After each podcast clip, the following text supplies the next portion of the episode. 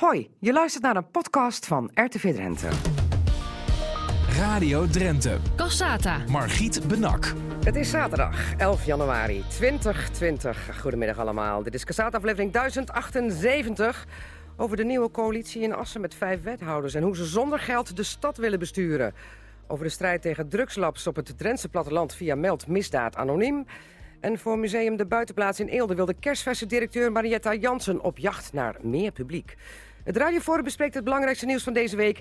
En speciale tafelgast is Jan Zwiers uit Aalden... die het wethouderschap van Koevoorde per 1 maart verruilt voor FC Emmen.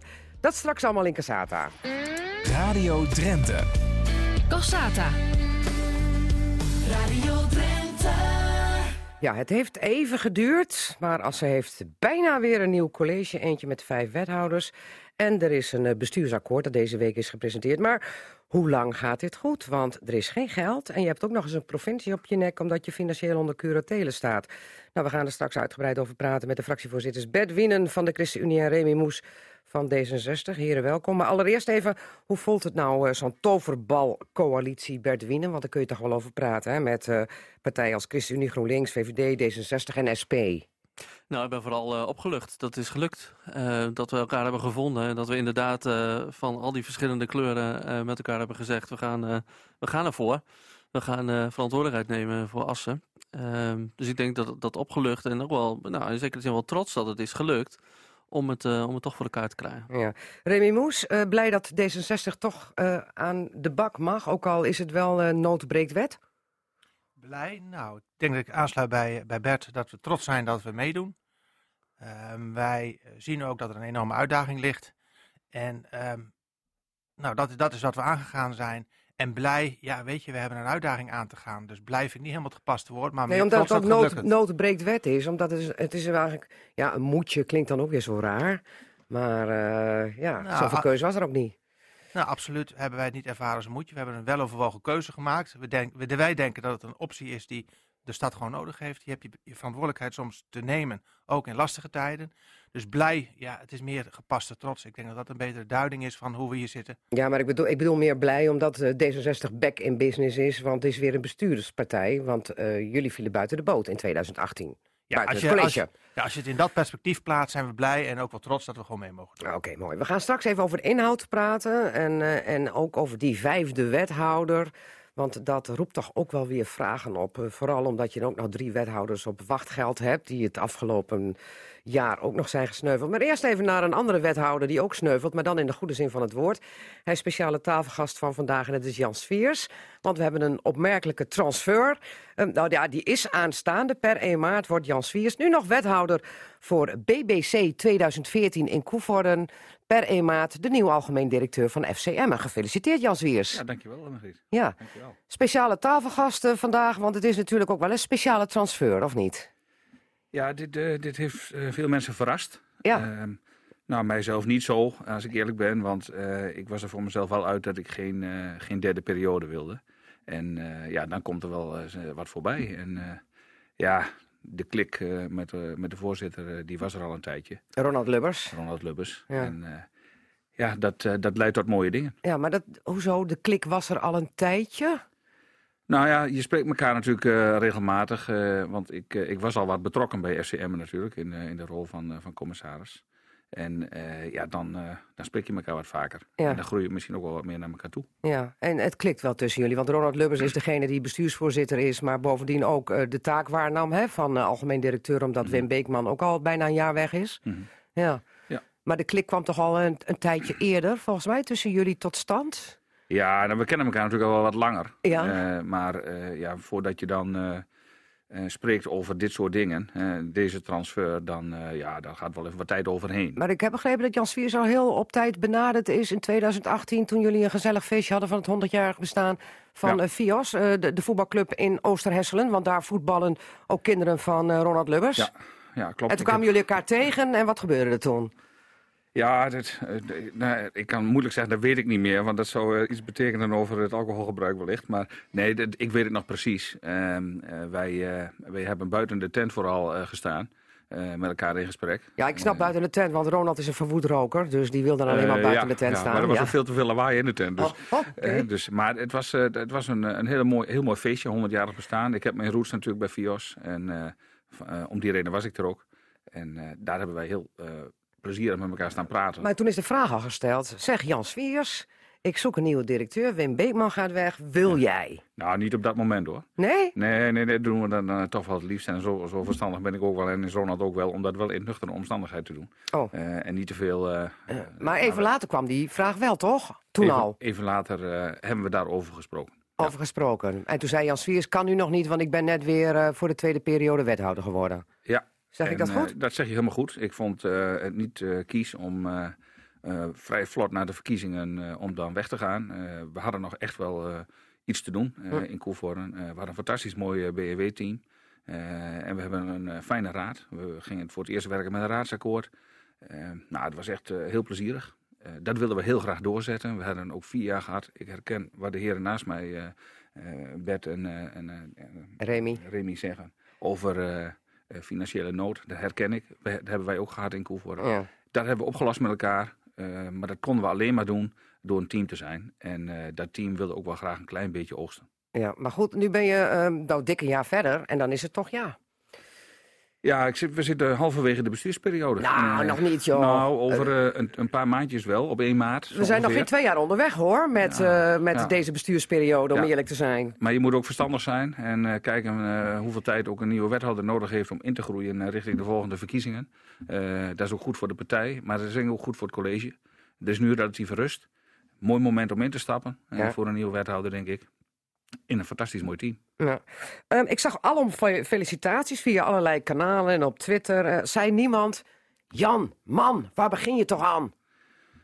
Eh, ja, die zijn er ook wel. Maar ehm, als je dan uitlegt eh, hoe dat bij mij werkt, dan hebben ze heel veel begrip. En al die mooie reacties die ik zelf voor een deel ook allemaal gelezen heb, en ik probeer ze ook te beantwoorden, dat heeft wel enorm veel met mij gedaan. Omdat je dat eigenlijk, eh, als je aan het werk bent, niet zo in de gaten hebt. Dus ehm, ja, er, zit ook wel, er kwam ook wel wat emotie bij kijken. Ja, ja. Ja. En, en, en, maar wat is dan de reactie die jou het meest eh, eh, deugd doet, zeg maar? Van, van, van wie? En wat was de reactie? Ehm, ja, het is moeilijk om onderscheid te maken. Maar ik denk dat, eh, dat onze burgemeester het wel heel mooi heeft samengevat in het interview wat hij eh, gisteren heeft gegeven. En dat, wat zijn dan de woorden die blijven hangen bij Jan Swiers? Want we hebben dan over burgemeester Bert Bouwmeester van Koevoorde. Nou, eh, dat we elkaar aanvullen, dat we een mooi team hebben.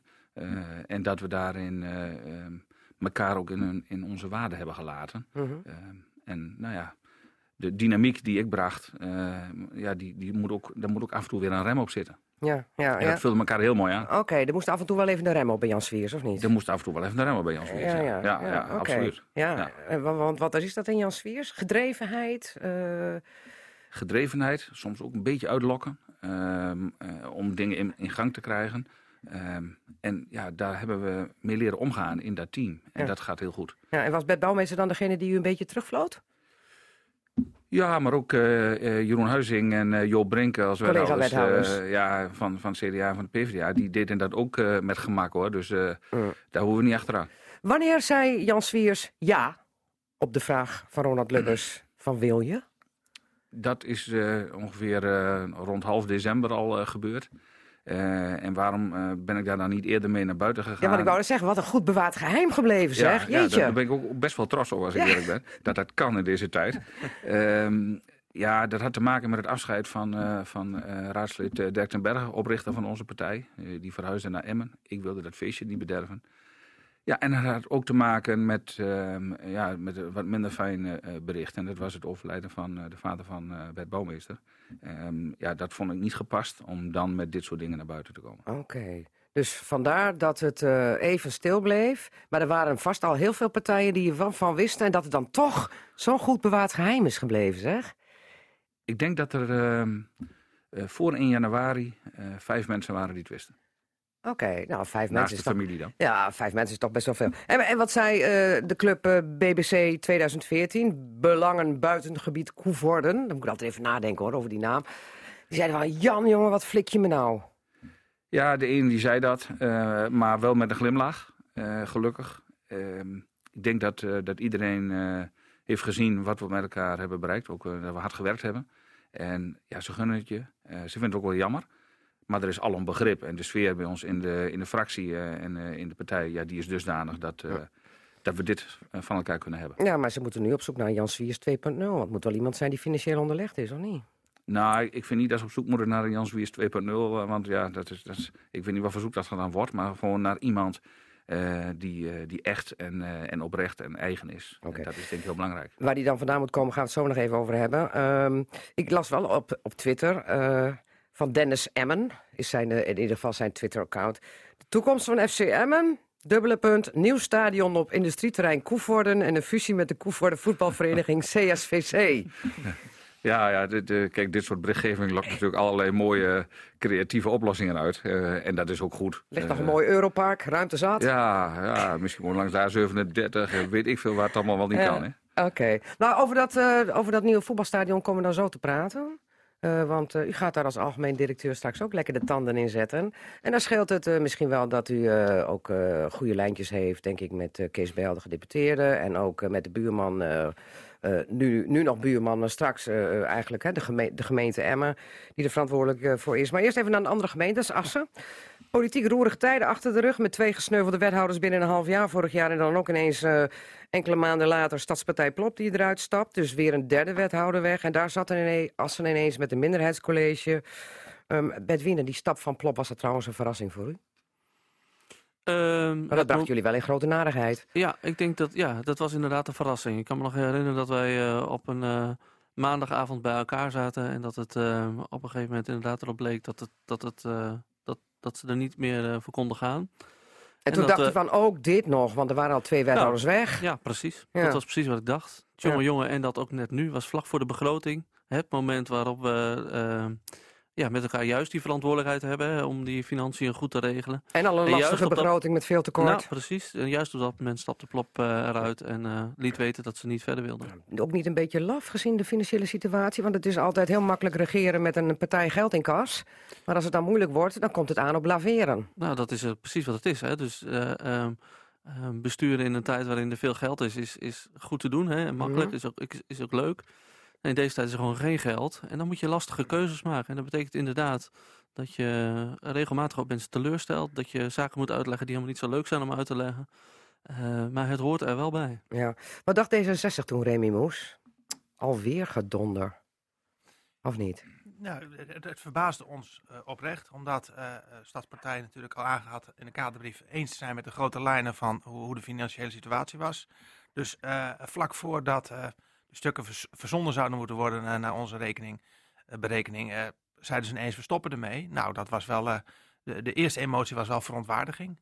En niet vanuit, maar wij vinden gewoon dat de stad, een stad als Assen gewoon een bestuur heeft, een stadsbestuur die knopen doorhakt, lastige beslissingen neemt. En op het moment dat dat niet gebeurt, weet gewoon iedereen dat er vertraging optreedt. Mhm. En dat was echt eerst, eerst nou ja, wel boosheid. En, eh, vond u het eigenlijk ook laf? Boosheid is denk ik een beter. Want eh, eh, eh, ik kan niet oordelen wat, wat de weging van een keuze was. Dus ja, ik weet het niet. Nou ja, het vooral is verbaasd. Echt verbaasd en boos. En ik denk dat dat een betere duiding is dan, dan laf. Ja, dat, ik weet niet wat de weging En, is en toen die geweest. eerste boosheid weg was, dacht u toen van... oh, hier ligt een kans voor D66? Eh, Toen mijn eerste boosheid weg was, heb ik eerst maar de fractievoorzitter opgebeld om te vragen hoe zat het nou? Want ik dacht, nou weet je, dat is beter dan allerlei oordelen vellen. U bedoelt van Stadspartij Plop Henk. Ja, Henk Zanding gebeld. Ik dacht, dat is de eerste beste stap. En toen zijn we gaan nadenken, ja, hoe nu verder? Mhm. En als je gaat nadenken, hoe nu verder? En je weet hoe D66 er vaak in staat. Toen zijn we gaan nadenken, zouden we dit willen? Zou dit kunnen? En wat zijn de mogelijkheden? Ja. Maar dat was niet per direct. Dat heeft wel even geduurd. Ja, nou het heeft zeker even geduurd, want Rijn Munniksma moest ingevlogen worden, gesprekken gevoerd. En heel veel mensen zeiden van, maak het nou toch niet zo ingewikkeld als je de Partij van de Arbeid vraagt, Bert Wienen, dat is vier zetels erbij, hè? Plop had er vier, hup, Plop weg, eh PvdA erin en dan kun je door met vier partijen, ook niet een extra wethouder nodig. Gezien de financiële situatie zou dat de goedkoopste oplossing zijn, ook al hè, met eh, drie wethouders op Ja. wachtgeld. En dan wordt het hem toch niet. Nee. Waarom niet? En we hebben ook met eh PvdA uitgebreid om tafel gezeten. Ehm, en er zijn verschillende gesprekken door eh Rijn Munniksma met de PvdA gevoerd. Uiteindelijk heeft Rijn eh Munniksma ook aangegeven... de PvdA krijgt het op dit moment niet voor elkaar... om eh, te leveren voor een college. Omdat ze geen goede wethouderskandidaat hadden? Dat zijn allerlei redenen die zij, eh, die Mhm. zij intern hadden. Maar ze kregen in ieder geval intern de zaken niet goed voor elkaar om ehm, toe te treden tot een Ja. vernieuwd college. En toen dachten we, nou, dan hebben we weinig andere mogelijkheden dan toch twee partijen nabij te trekken, want anders hebben we geen De meerderheid. spoeling wordt al steeds dunner. Dus inderdaad, dan moet je naar eh, twee partijen. Ehm, en we hadden ehm, toen Plop net uit het college eh, wegging, hadden we al een aantal gesprekken gevoerd met alle fracties. En wat toen al opviel was dat de SP en eh, D66 eh, ehm, vanaf het begin redelijk constructief ook Mhm. met ons mee wilden denken over oplossingen. Ja, ja. En dus was het wel logisch dat, nou, toen bleek dat de PvdA niet kon toetreden, uiteindelijk eh, de SP en D66, eh, dat, dat we daarmee de gesprekken zijn gaan openen. Ja, maar hoe moeilijk is het dan om dan toch een boodschap te moeten verkopen uiteindelijk? Want u wist waar het op uitkwam, vijf wethouders. Want de SP gaat niet toetreden Nee. en zeggen van... nou ja, wij, wij steunen het college, we leveren geen wethouder. Die willen dan ook een vinger in de pap. Ja. En dat kan alleen met een wethouder. Hoe Nou. moeilijk is het dan voor u om te verkopen een boodschap... waarvan u in 2018 nog zei... We kiezen voor, bewust voor een smal college met één zetel meerderheid. We willen de stad niet op kosten jagen. En bovendien is het ook aardig voor een open debat in de raad. Zodat het niet een overgrote meerderheid alles altijd maar steunt. Open debat in de raad. Ja. En ineens is alles anders. Ja, klopt. En dat heeft voor een groot deel ook te maken met dat de financiële situatie ineens ook anders is. Hè, waarin er hele lastige keuzes gemaakt worden en moeten worden voorgelegd aan de raad. Ja. Die eh, eh, vragen dat je schouder aan schouder staat en met elkaar die kar gaat trekken. En wat we de afgelopen tijd hebben gezien is dat het toch lastig is. En dat het toch ook in onze raad best wel eh, lastig is om er überhaupt een begroting doorheen te krijgen. Laat dat staan wel. hele vervelende keuzes te maken. Ja. Ehm, en u zei net, hè, wat, eh, eh, ehm, eh, voor, on- voor ons was het in ieder geval belangrijk dat elke partij die mee zou doen in het college ook een wethouder zou leveren. Ook Ja. verantwoordelijkheid zou nemen. Dus die vijf wethouders, dat was van, van meet af aan gewoon duidelijk. Het is, was maar dan is het toch helder. een, juist, maar dan is het toch een lastige boodschap, omdat u anderhalf jaar daarvoor nog riep van vijf Ja. wethouders, dat willen we de stad niet aandoen, kan financieel eh, is, is ja, dat ook was toen een beter. voordeel, zeker Ja. weten. En Ja. nu is het toch anders. en nu is het anders. Kabinet wet? Eh, noodbreekt wet en, en, en eh, financiële situatie breekt ook wet. Het is echt nu eh, belangrijk om vanuit die vijf partijen verantwoordelijkheid te nemen. Ja. Maar denk ook aan dat we op verschillende tafels, aan verschillende tafels in bestuurlijk Nederland ook goed vertegenwoordigd moeten zijn. We moeten bijvoorbeeld veel meer dan dat we voorheen dachten in Den Haag aanwezig zijn. Ja, ja. Om daar aan de tafels te zitten, om daar te lobbyen, om daar Ja, aan de slag dus te u gaan. zegt eigenlijk met andere woorden dat betekent- rechtvaardigt een vijfde wethouder, maar het kost wel weer extra geld. Het kost extra geld en ik hoop op langere termijn dat het hè, door zichtbaarheid, maar ook door aanwezig te zijn aan de tafels waar we moeten zijn. Als u weet wat bijvoorbeeld hoeveel wethouder Vlieg, onze wethouder van de ChristenUnie, de afgelopen tijd bezig is geweest om in Den Haag Ja. een, een flink pleidooi te houden, bijvoorbeeld voor het abonnementstarief rondom de WMO. ja, maar die heeft jeugdzorg WMO in de portefeuille, Precies, daar waar de problemen daar- juist door het Rijk zijn veroorzaakt. hè? En hoeveel daar is gelobbyd vanuit, dan, dan eh, eh, is dat veel meer geweest dan we, de afgelopen, dat we twee jaar geleden hebben kunnen inschatten. Hoezeer was dat voor D66 nog een punt, eh, Remy Moes? Die vijfde wethouder kost toch extra geld, hè? Vijfde wethouder erbij. Je hebt al drie wethouders op wachtgeld en je zit dan met een financieel probleem. Was dat voor jullie nog even, eh, even slikken? Of was het gewoon de reële situatie? Het kan niet anders. Wij hebben van begin af aan eh, gezegd, eh, eh, eh, eh, ook toen het vorige college of het, aantrad, wij zijn voor vijf wethouders. Wij vinden dat een stad als Assen gewoon vijf wethouders nodig heeft, Mhm. met alle taken die er liggen. Wij hadden toen al niet voorzien dat het zo erg zou zijn, maar dat er een enorme uitdaging zou liggen in het sociaal domein. Dus wij, wij zijn en nog zi- zijn dus nog steeds van mening dat je daar gewoon vijf mensen voor nodig hebt. En in aansluiting met, met Bert ook, ja, eh, eh, wil je eh, zichtbaar zijn in Den Haag, moet je vier tot vijf keer harder roepen.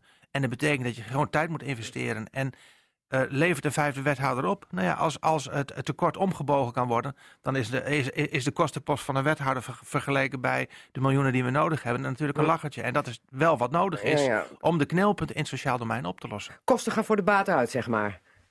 Nou, ehm ehm kosten voor de baten gaan. eh, Het, het Nou is ja, maar sowieso vijf mensen maar, nodig. Het moet zich nog maar bewijzen of die vijfde wethouder ja, hè, ja. ook wat oplevert. ja. Meer aanwezig zijn in Den Haag. ja. Meer Maar- proberen daar geld los te weken. Ja, maar het is niet alleen aanwezig zijn in Den Haag, het is ook aanwezig zijn in de wijken, wat wij, wat wij heel belangrijk vinden. Ja. Omdat als je een, een verandering wil in, in de zorg, is het ook belangrijk dat je mensen betrekt. En dat betekent ook Ja. zichtbaarheid. En als je met z'n drieën bent, ja, dan, dan, dan, dan heb je de handen vol aan de dagelijkse gang van zaken.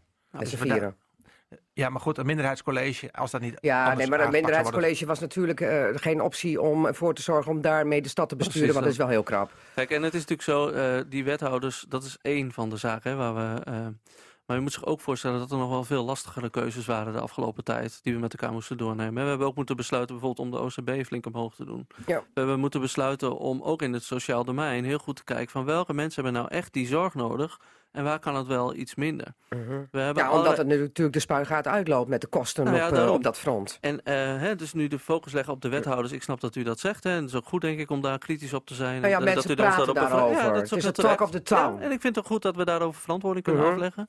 Maar de echte pijn zat dan wel op, wat, op andere keuzes. En de echte pijn zal ook de komende tijd nog komen...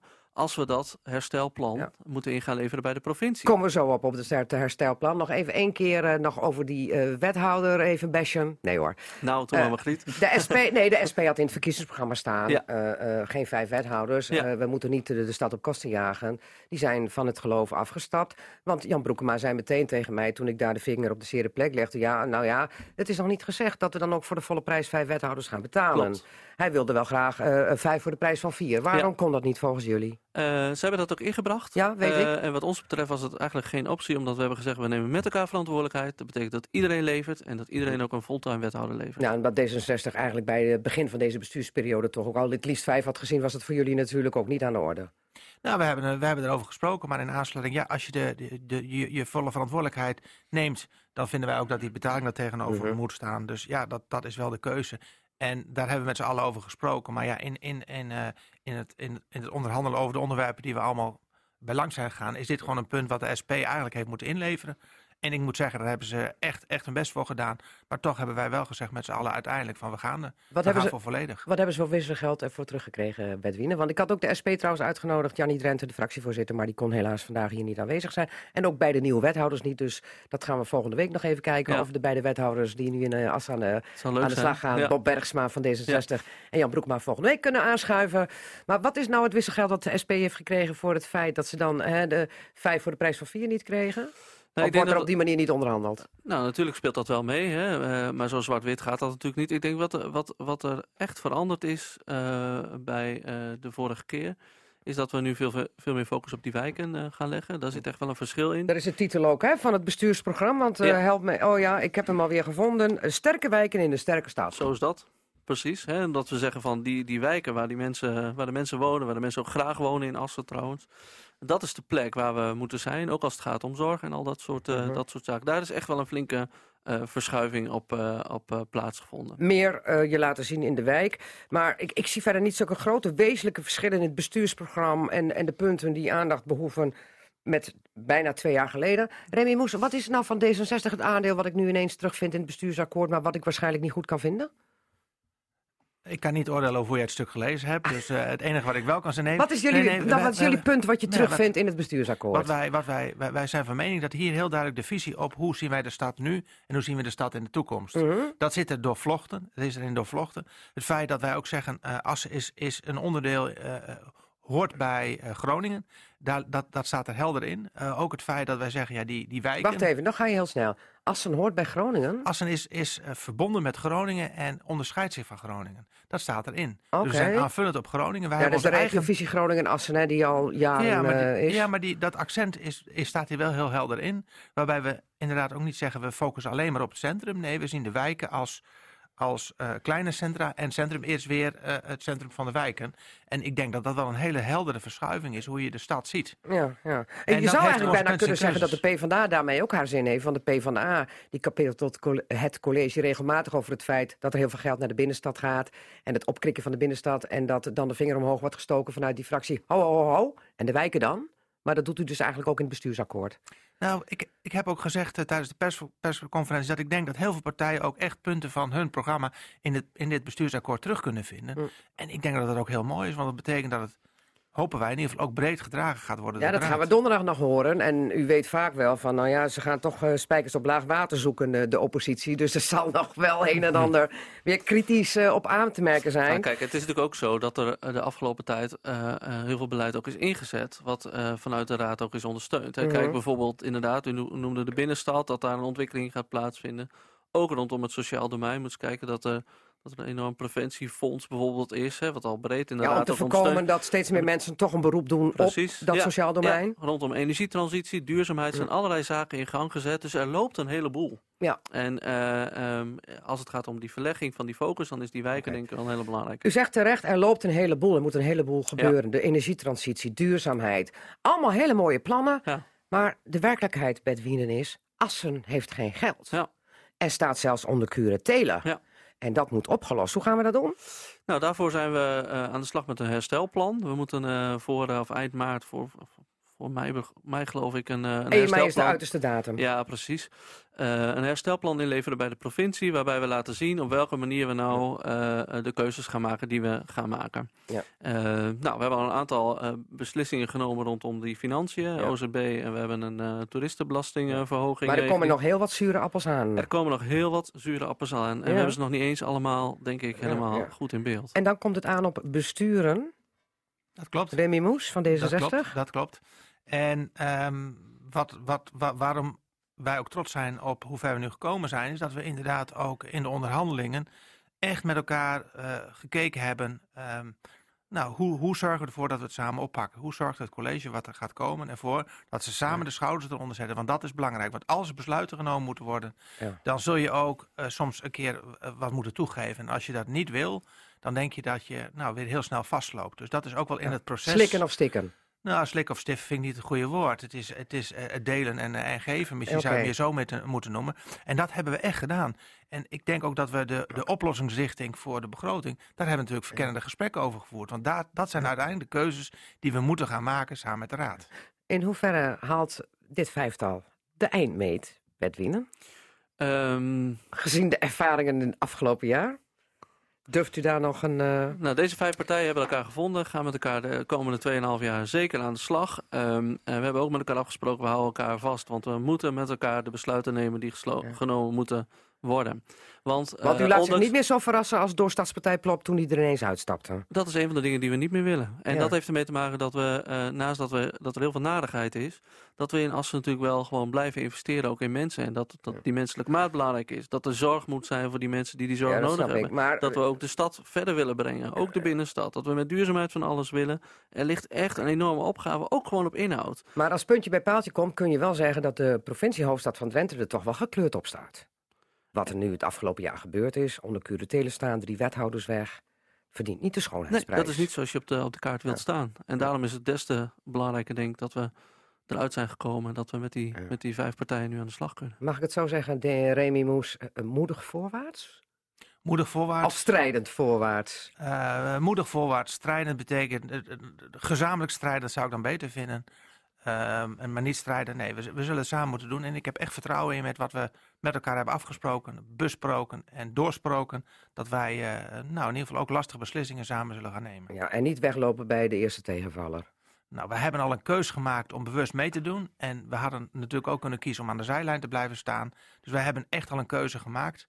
En dat doen, doen we niet zomaar. Wij gaan het natuurlijk met belangstelling volgen Dat hoe dit ik. eh, verder gaat Ja. in de stad Assen. Eh, komende donderdag is de installatie van de twee nieuwe wethouders. Jan Broekema van de SP. Voor het eerst de SP in het college van Assen. Ja. Dat is toch wel een historisch iets. Zeker. En eh, Bob Bergsma die voor D66 eh, eh, op het plus komt. En dan gaan we luisteren wat de andere fracties in Assen daarvan vinden.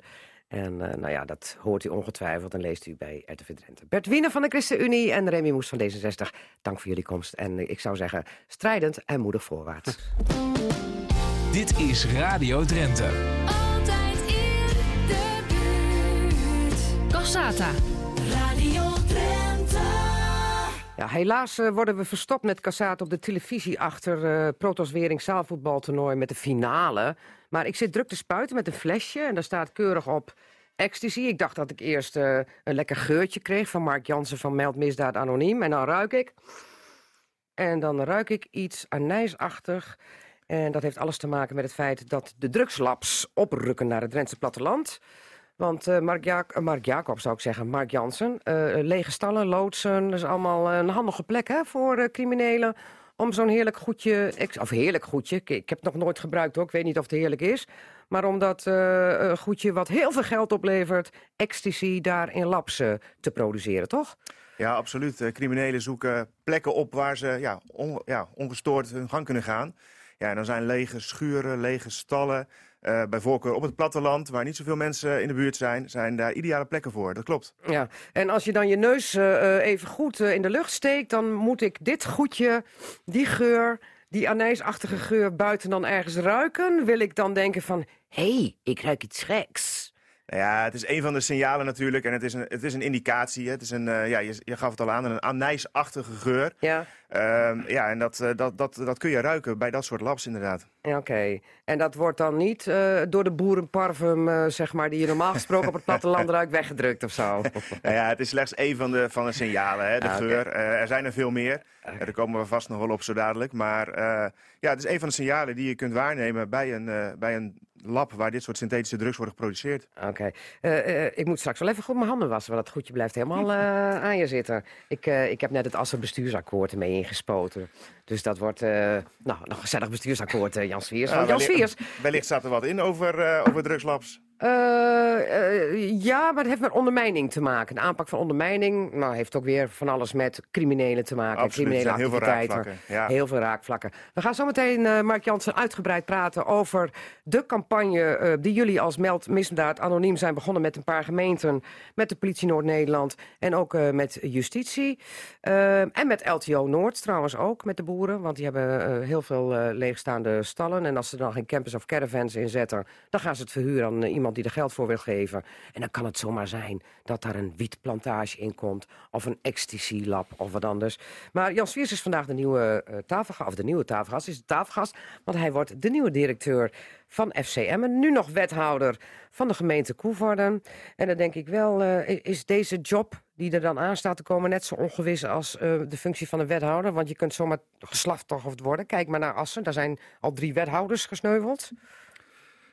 Ja, dat, eh, het, is wel, eh, het is wel onzeker, ja, dat klopt. Maar ehm, daar ben je natuurlijk ook zelf bij. Eh, ik moet eerlijk zeggen, ik hou ook wel van een uitdaging.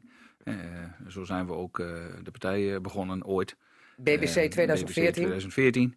Ja, en ja, dat, dat vind ik niet erg dat het onzeker is. Maar ehm, als je zelf goed oppast en je zorgt ervoor dat je samen goede besluiten neemt, dan, dan kan dat ook nog maar zo eens heel erg meevallen. Ja. U heeft een financiële achtergrond, hè? U bent eh, accountant, eh, toch? Ja, ik ben, eh, ik ben eigenlijk, dat was mijn eerste job, zeg maar. Ik ben 15 jaar werkzaam geweest in de, in de accountancy. Ja. bij de Jonge Laan Accountants, in, ook in Assen hier trouwens. En ehm, ja, ik heb dus 5,5 jaar ook in Assen gezeten. Dat was mijn laatste werkplek in de accountancy. Daarna in het bedrijfsleven en vervolgens bij Levier, Ja, bij ja. een woningcoöperatie. Maar dat ging ook over de financiële cijfertjes, toch? Vooral? Accountancy wel. Eh, daarna ben ik toch wel wat afgeraakt van, eh, van financiën. Eh, bij Levier, bij de woningcoöperatie, ben ik daar wel weer in terechtgekomen. En dat was ook helemaal prima. En ik heb nu eh, de portefeuille financiën binnen. eh, Ja, nou ja, en dat is een hele woelige portefeuille. Want eh, u zei net bij het weggaan van eh, en Remy Moes van de gemeente Assen... of de, hè, die in de politiek zitten in Assen... van nou, ik benijd Assen niet, maar ik herken het wel, het beeld. Ja. De woelige baren, financieel gezien... en de strijd met het Rijk, omdat die de hand op de knip houden... en de gemeente toch in problemen zitten. Ja. En daar Ja. komt het aan op stuurmanskunst, Jan Zwiers. Dan komt het aan eh, op stuurmanskunst. eh, Want sinds en- u er zit, heeft Koevoorden ontzettend mooie, go- goede cijfers. Ja, nou ja, dat, dat, dat is voor een deel natuurlijk. eh, ehm, doe, je dat, eh, eh, doe je dat als. Samen, ja, ja. Je, je wilt het eigenlijk liever niet horen, natuurlijk. Hè. Maar eh, het, zo is het Collegiaal. echt. Het is, zo is het echt. En eh, we hebben de schouders eh, eronder gezet, de rug Ja. recht gehouden. eh, en daarmee ehm Koevoorden weer financieel gezond kunnen krijgen. Een, een traject wat al ook voor 2014 Ja. in gang gezet was. Eh, maar waar de besluitvorming nog niet had plaatsgevonden. Dat hebben wij met elkaar gedaan, die besluitvorming. Eh, en we hebben hem ook uitgevoerd. Samen met onze gemeenteraad, maar ook vooral samen met inwoners en ondernemers. Want eh, uiteindelijk hebben die daar ook in bij moeten dragen. Ja, En die wat- verbinding hebben wij heel sterk weten te maken, denk Ja, ik. en u, u weet trouwens toch hoe je Koevoorden lekker op de rit moet houden, geld kunt uitgeven in toch moeilijke tijden. Dan lijkt mij een nieuw stadion een kolfje naar uw hand. Ja, kijk, ik, ik, kan, eh, ik, ik ondersteun natuurlijk die ambitie eh, van Hatta. Want als ik die, niet had ondersteund, dan had ik deze eh, baan niet moeten accepteren. Nee, want de dit is een van de heeft, belangrijkste heeft. Noord hier in Cassaat onder stoel of banken gestoken. Ja. Heel graag dat nieuwe stadion te Ja, willen. zeker. En ik vind ook dat dat een hele prima ambitie is. Daar sta ik ook helemaal achter. Maar ik- het is wel ingewikkeld voor mij als je net gisteren bent aangekondigd... om nu van achter de tafel al te zeggen wat er precies moet gebeuren om een nieuw stadion Nee, maar ik wil gewoon weten hoe Jan Swiers erover denkt. Gaan we zo meteen uitgebreid over Ja. verder praten. Want eh, heel wat anders dan een stadion zijn drugslabs. Nou ja, misschien, misschien want in, nou ja, in het stadion is helemaal geen ruimte om ook maar iets te verhuren. Want daar is wat alles benut. Want Mark Jansen eh, die zit hier van eh, misdaad, eh Meld Misdaad Anoniem. In verband met de start van, van een campagne deze week. eh, zeg ik dat goed? Want Ja. die is echt al van start gegaan. Om te voorkomen dat boeren in Drenthe of andere eigenaren van loodsen of schuren zich in de nesten werken. Want het schijnt steeds vaker voor te komen in Drenthe ook, hè, of in het noorden, dat op deze manier criminelen oprukken en daar eh, ja, dingen doen in schuren die niet mogen. Want het hoeft niet per se een ecstasy-lab te zijn, het kan ook een wietplantage zijn. Eh, zijn daar cijfers van? Nee, echt aantallen hoeveel er zijn, eh, die zijn er niet. We zien in onze cijfers, hè, de cijfers van Meldmisdaad Anoniem, dat er de laatste twee jaar met name fors meer gemeld wordt. Met name over drugslabs. Eh, maar in zijn algemeenheid zien we wel eh, dat de problematiek niet meer alleen eh, in het zuiden is. Hè, waar vroeger dit soort, dit soort ja, criminaliteit voorkwam in het zuiden, in Limburg, in Brabant. Zien we dat de laatste jaren ook steeds meer voorkomen hier in het noorden. Ehm, eh, dat zijn niet alleen mensen uit het zuiden die naar het noorden komen, maar ook mensen hier in het noorden die zich ermee bezighouden. Want het is gewoon heel lucratief. Je kunt er heel veel geld mee verdienen. Tegelijkertijd kleven er ook hele grote risico's aan. Maar eerst even naar die cijfers. Ik had wel begrepen dat in Noord-Nederland 33 anonieme meldingen eh, waren. En dat was een stijging van 32 procent ten opzichte van het jaar daarvoor. Ja, het zijn kleine aantallen. Hè? Ja. Dus eh, het jaar ervoor waren het er 25 Ja. eh, anonieme tips. Ja, dan wordt het jaar na 33. Dan lijkt Ja. het een hele forse stijging eh, Ja. percentueel. Maar bij deze kleine aantallen valt het mee. Maar om wel even een indicatie te geven, de jaren daarvoor, eh, dan haalden we de 10 niet. Nee, Dus we zien de laatste jaren dat er meer gemeld wordt. Nou, dat komt enerzijds eh, omdat eh, dat mensen zich meer bewust worden van signalen. Eh, de problematiek krijgt ook steeds meer aandacht. Ook in de, in de landelijke media wordt er aandacht voor gevraagd. Ehm, en anderzijds ehm, ja, wordt de oproep om te melden wordt steeds vaker gedaan. ja. Maar dan lees ik het woord anonieme meldingen. Dan denk ik van... Nou ja, op het moment dat ik een boer ben en ik heb een leegstaande stal en ik verhuur hem en ik zie daar ineens, ik kijk eens door het raam, ik zie daar dingen gebeuren die niet door de burger kunnen, bel ik de politie. Ja, dat is ook altijd het beste. Dat zeg ik ook altijd. Eh, het is altijd het beste als mensen rechtstreeks de politie bellen. Eh, het gaat, dat is in alle gevallen van criminaliteit. Eh, maar ja, in de praktijk is het zo dat, dat het voorkomt dat mensen dat soms niet durven of dat niet willen.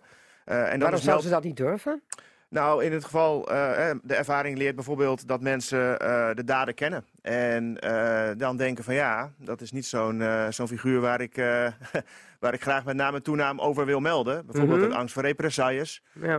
Nou ja, de dader kent jou ook. Je komt er weer tegen, je komt hem onder ogen. Het komt ook voor dat mensen zeggen van ja, ehm, ik kan niet zo goed overzien wat er gebeurt. Hè. Als ik naar de politie ga, ik kom met een naam in het dossier. Moet ik dan misschien wel op, op, Als melder of getuige? ja, opgeroepen worden in een rechtszaak.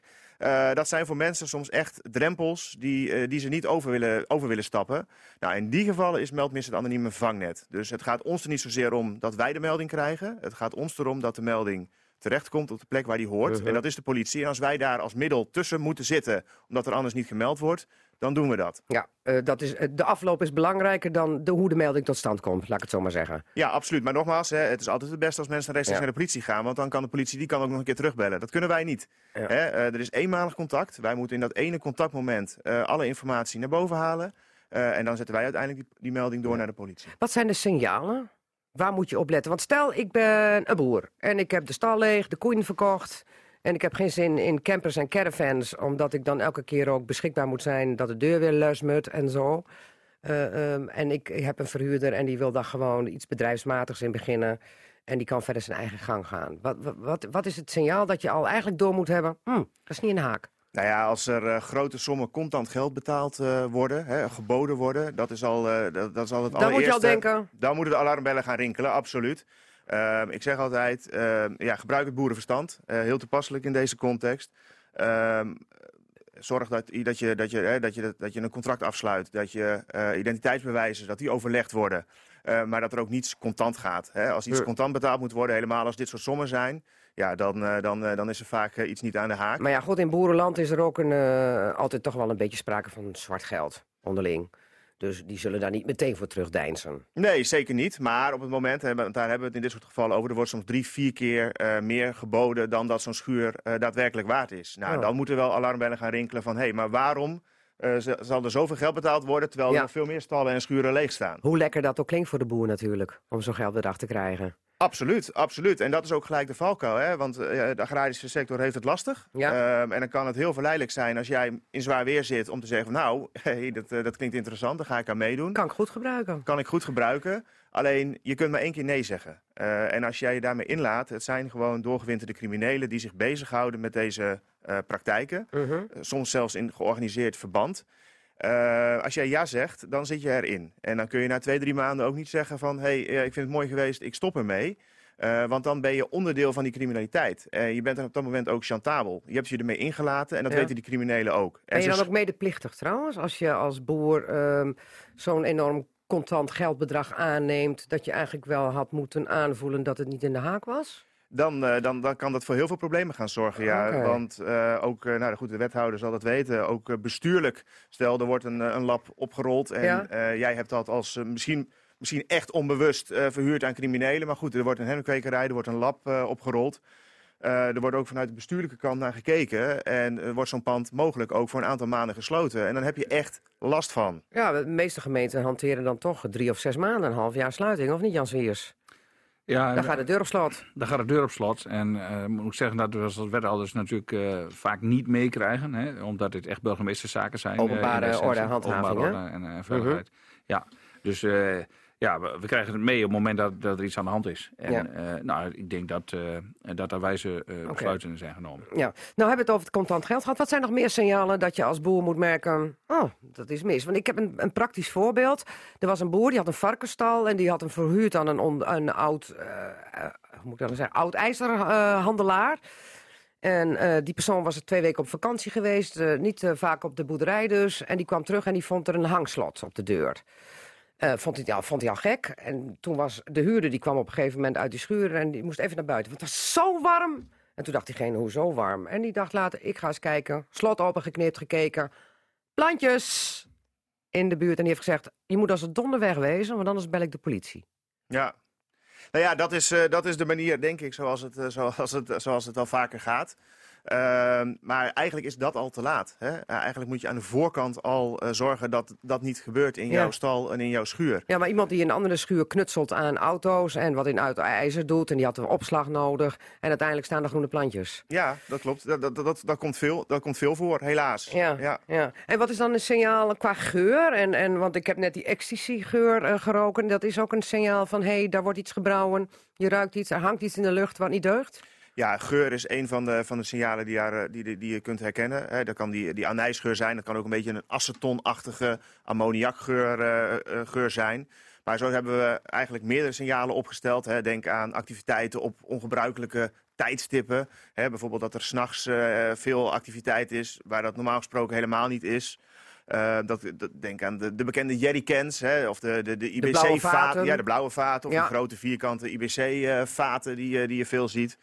Eh, wat zijn IBC-vaten? Zijn die ook blauw of geel? Of Nee, die is- zijn vaak doorzichtig. Dat zijn van die, van die, van die grote duizend liter vierkante Ja, bakken die je ook eh, regelmatig eh, wel ziet staan. Als je die op een wagen voorbij ziet rijden of ziet staan... Nou ja, het is een combinatie van. Hè. Ik bedoel, we moeten, laat ik dat vooropstellen, we moeten nu niet achter elke leegstaande schuur of achter elke vat wat je ergens ziet een drugslab gaan zien. Het gaat Nee. echt wel om een combinatie van, van Ja. factoren.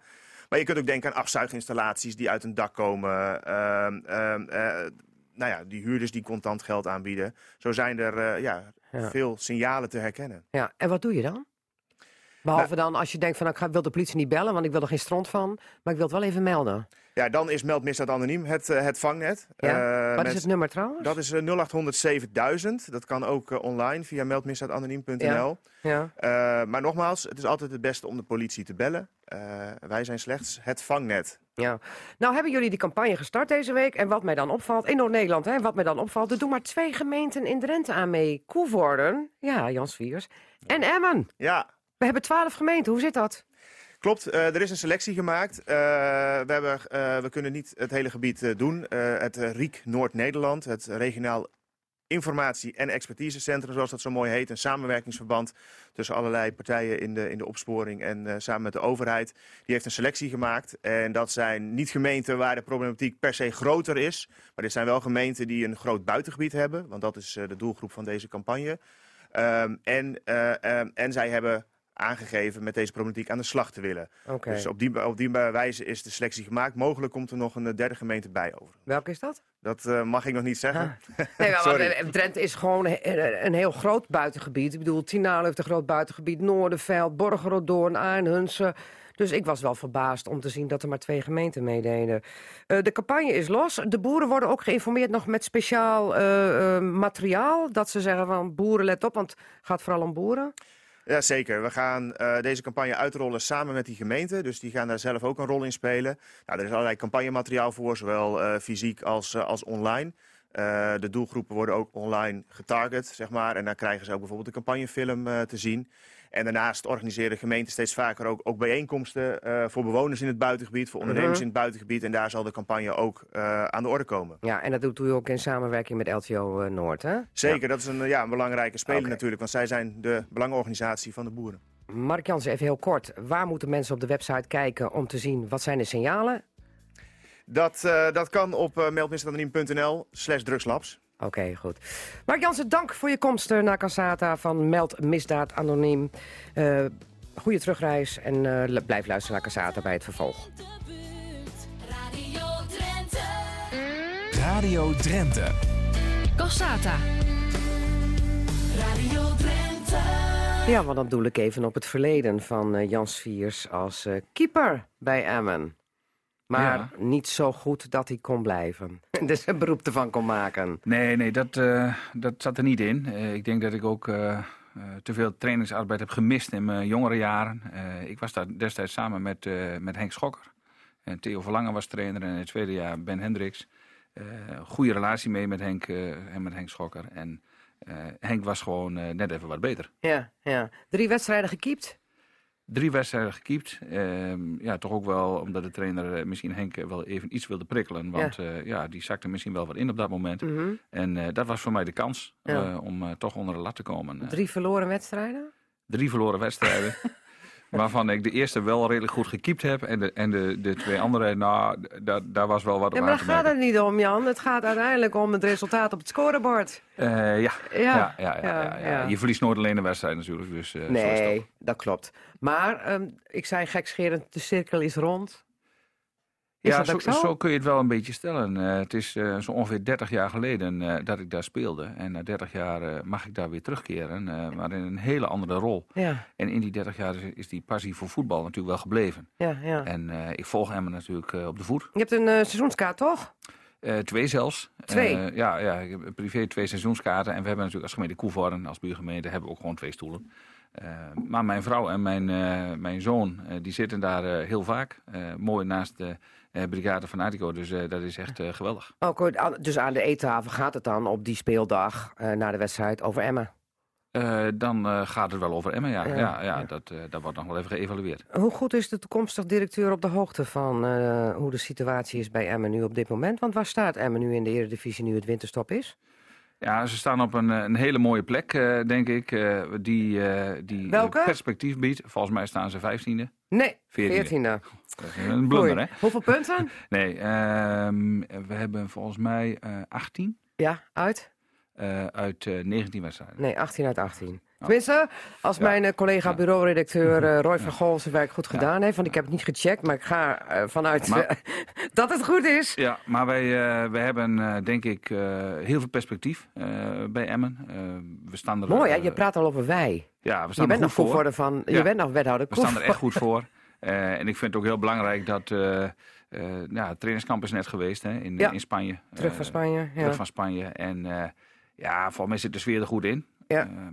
De teamgeest is, eh, is eh, steeds beter aan het worden. En ja, dat moet ons eh, helpen om in die tweede seizoenshelft voldoende punten te halen om weer lekker in de Eredivisie te blijven. En daar heb ik wel hele goede verwachtingen Dick. Lukien, een beetje blij met jou? Ik, heb zeg ineens jou, u moet ik zeggen. ja. Beetje blij met u? niet, Dick, Dick Lukien heb ik een paar keer inderdaad gesproken. Daar zit ook een... ja, er zit wel een goede klik, denk ik, eh, tussen eh, Dick en, eh, en mij. Ik verwacht daar totaal geen enkel probleem. Nog even een vraag. Welke ploeg staat er net boven Emma? Weet ja, je gaat me nou overhoren. eh Ja, Eh, even en- overhoren. Ik- nee, dat doe ik ook met nieuwe burgemeesters. Die ga ik eh, altijd overhoren over een gemeente. Ja, en nou ja, ben je ja, straks nieuwe directeur. Ja, maar goed, ik, eh, ik, ik, ik vind het wel prettig dat ik, eh, dat ik eh, onvoorbereid naar dit soort dingen ga. Ja, en die Eh, denkt even, en, oh, die heeft eh, zich al helemaal nee, nee, nee, ingelezen in Emmen.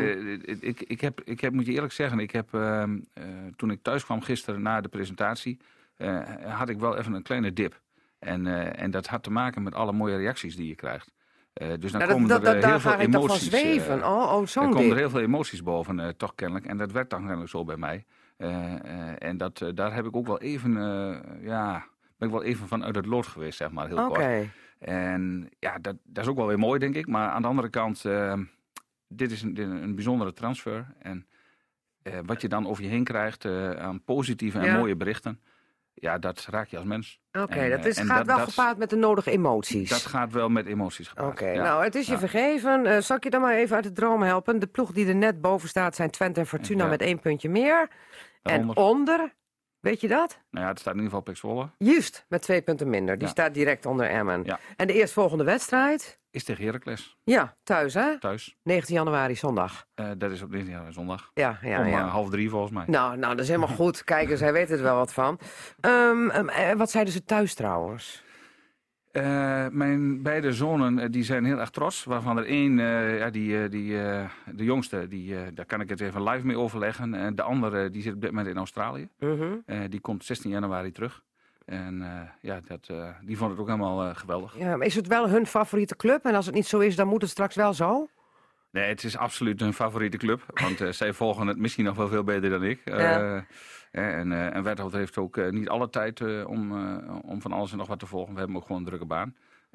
Maar ik zit wel elke thuiswedstrijd in het stadion. Oké. En, dat vind ik echt fantastisch mooi. En ik ga nu ook natuurlijk de uitwedstrijden bezoeken. Ja, ja, het woord stadion viel. Wil ik toch even naar terug. Ronald Lubbers is hier twee of drie keer uitgebreid gast geweest in Cassata. Ja. Heeft hier gezegd, verbouw van het stadion is eigenlijk ondoenlijk. Mhm. We moeten nieuwbouw. Ja. Als Jan eh Swiers er fris en fruitig tegenaan kijkt. Hoe zie jij dat dan?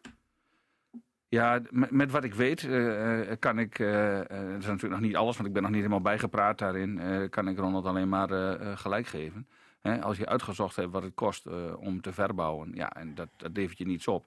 En het kost eigenlijk veel meer per saldo, daar kun je gewoon een business case voor maken. Ja, dan, eh, dan is het niet raar dat je spreekt over een nieuw stadion. Dus Hm. eh, die ambitie, eh, die ondersteun ik echt van harte. Maar dan zit je wel met de plek. Want dan kan het niet op de plek waar je nu zit. Of er moet vlak dan naast zijn. Omdat je anders dan die wedstrijden niet hebt. Niet kan spelen. Nee, maar kijk, de, de plek waar het stadion moet komen te staan en hoe het allemaal precies moet.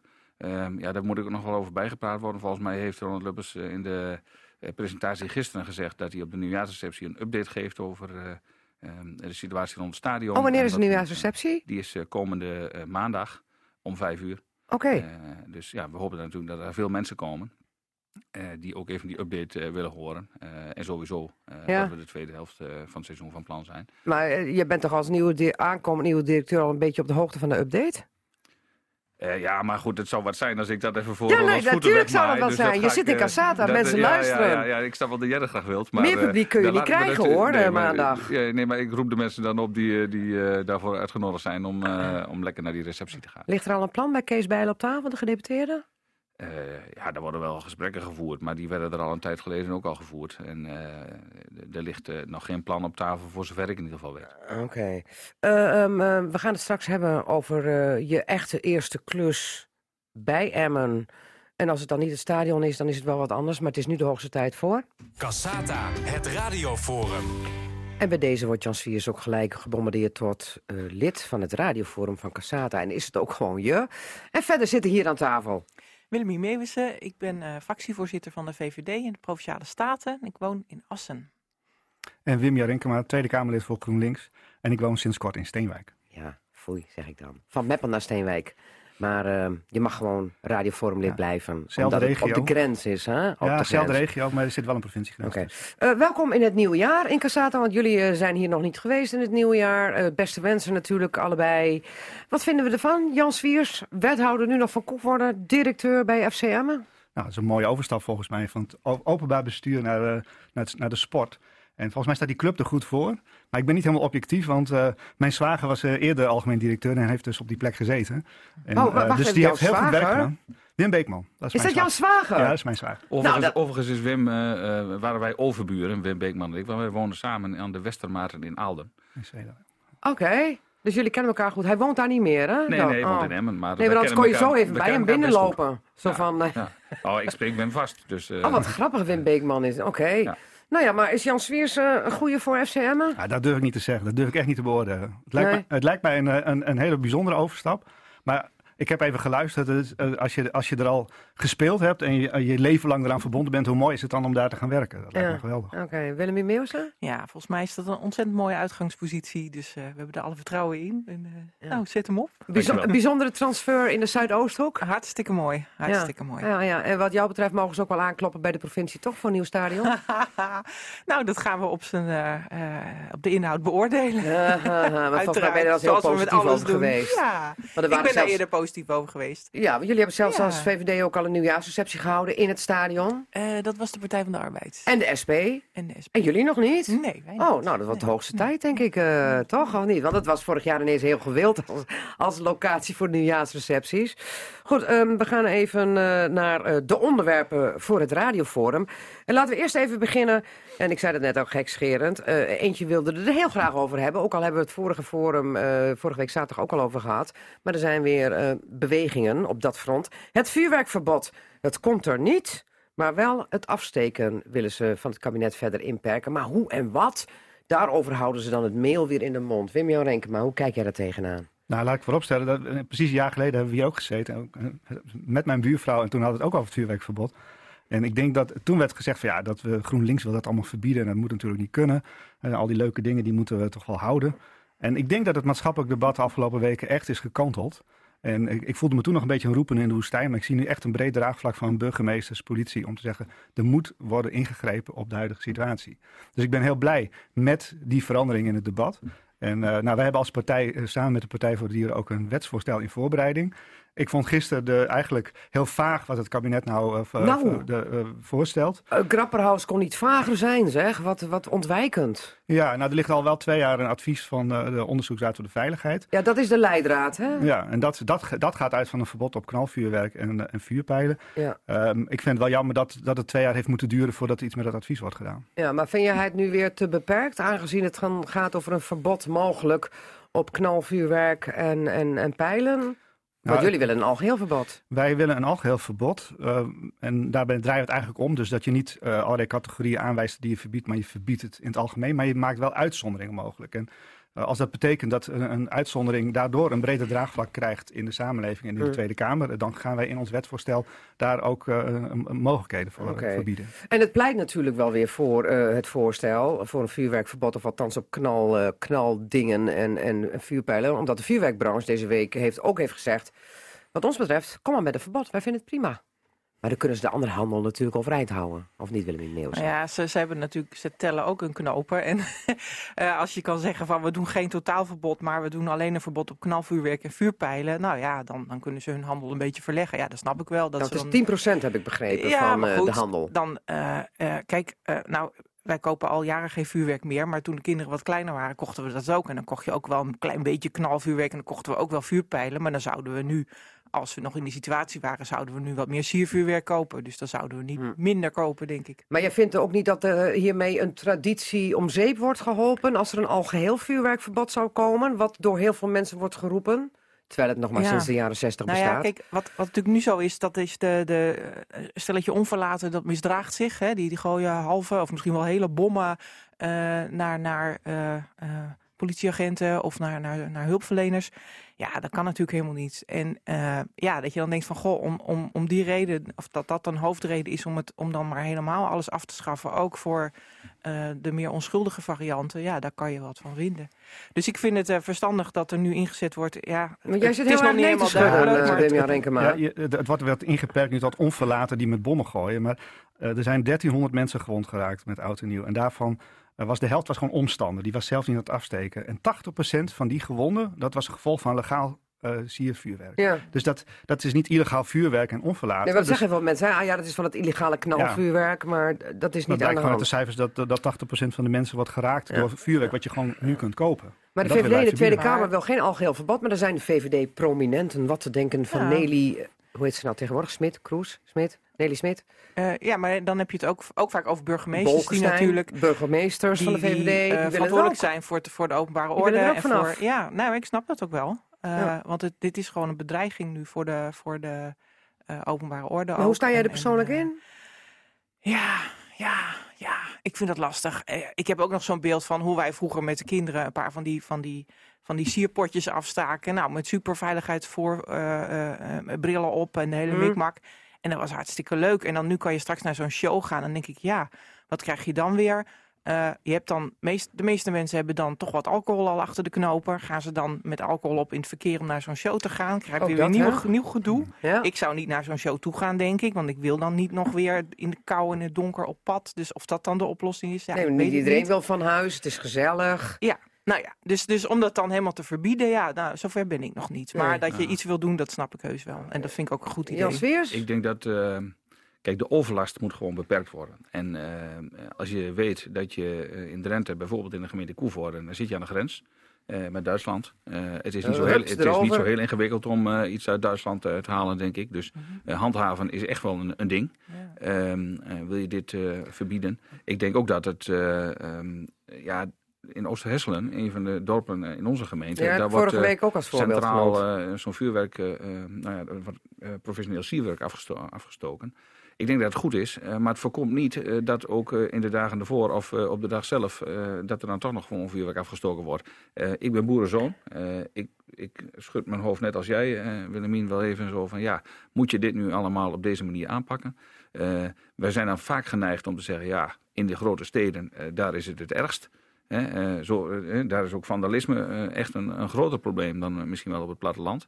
Eh, en misschien heb ik daar wat Nou, vooroordelen eh, op. Je, je vergeet wel even, Geesbrug, dat het vorig jaar ook gigantisch uit de klauwen liep met Ja, de auto maar- nieuw. er werden, be- maar werden we- hulpverleners belaagd met vuurwerk ook. Maar, maar daar hebben we eh, voor dit jaar. het is niet alleen een stedelijk probleem. Nou, dan, dan is dat wel ook het ultieme voorbeeld om te zeggen.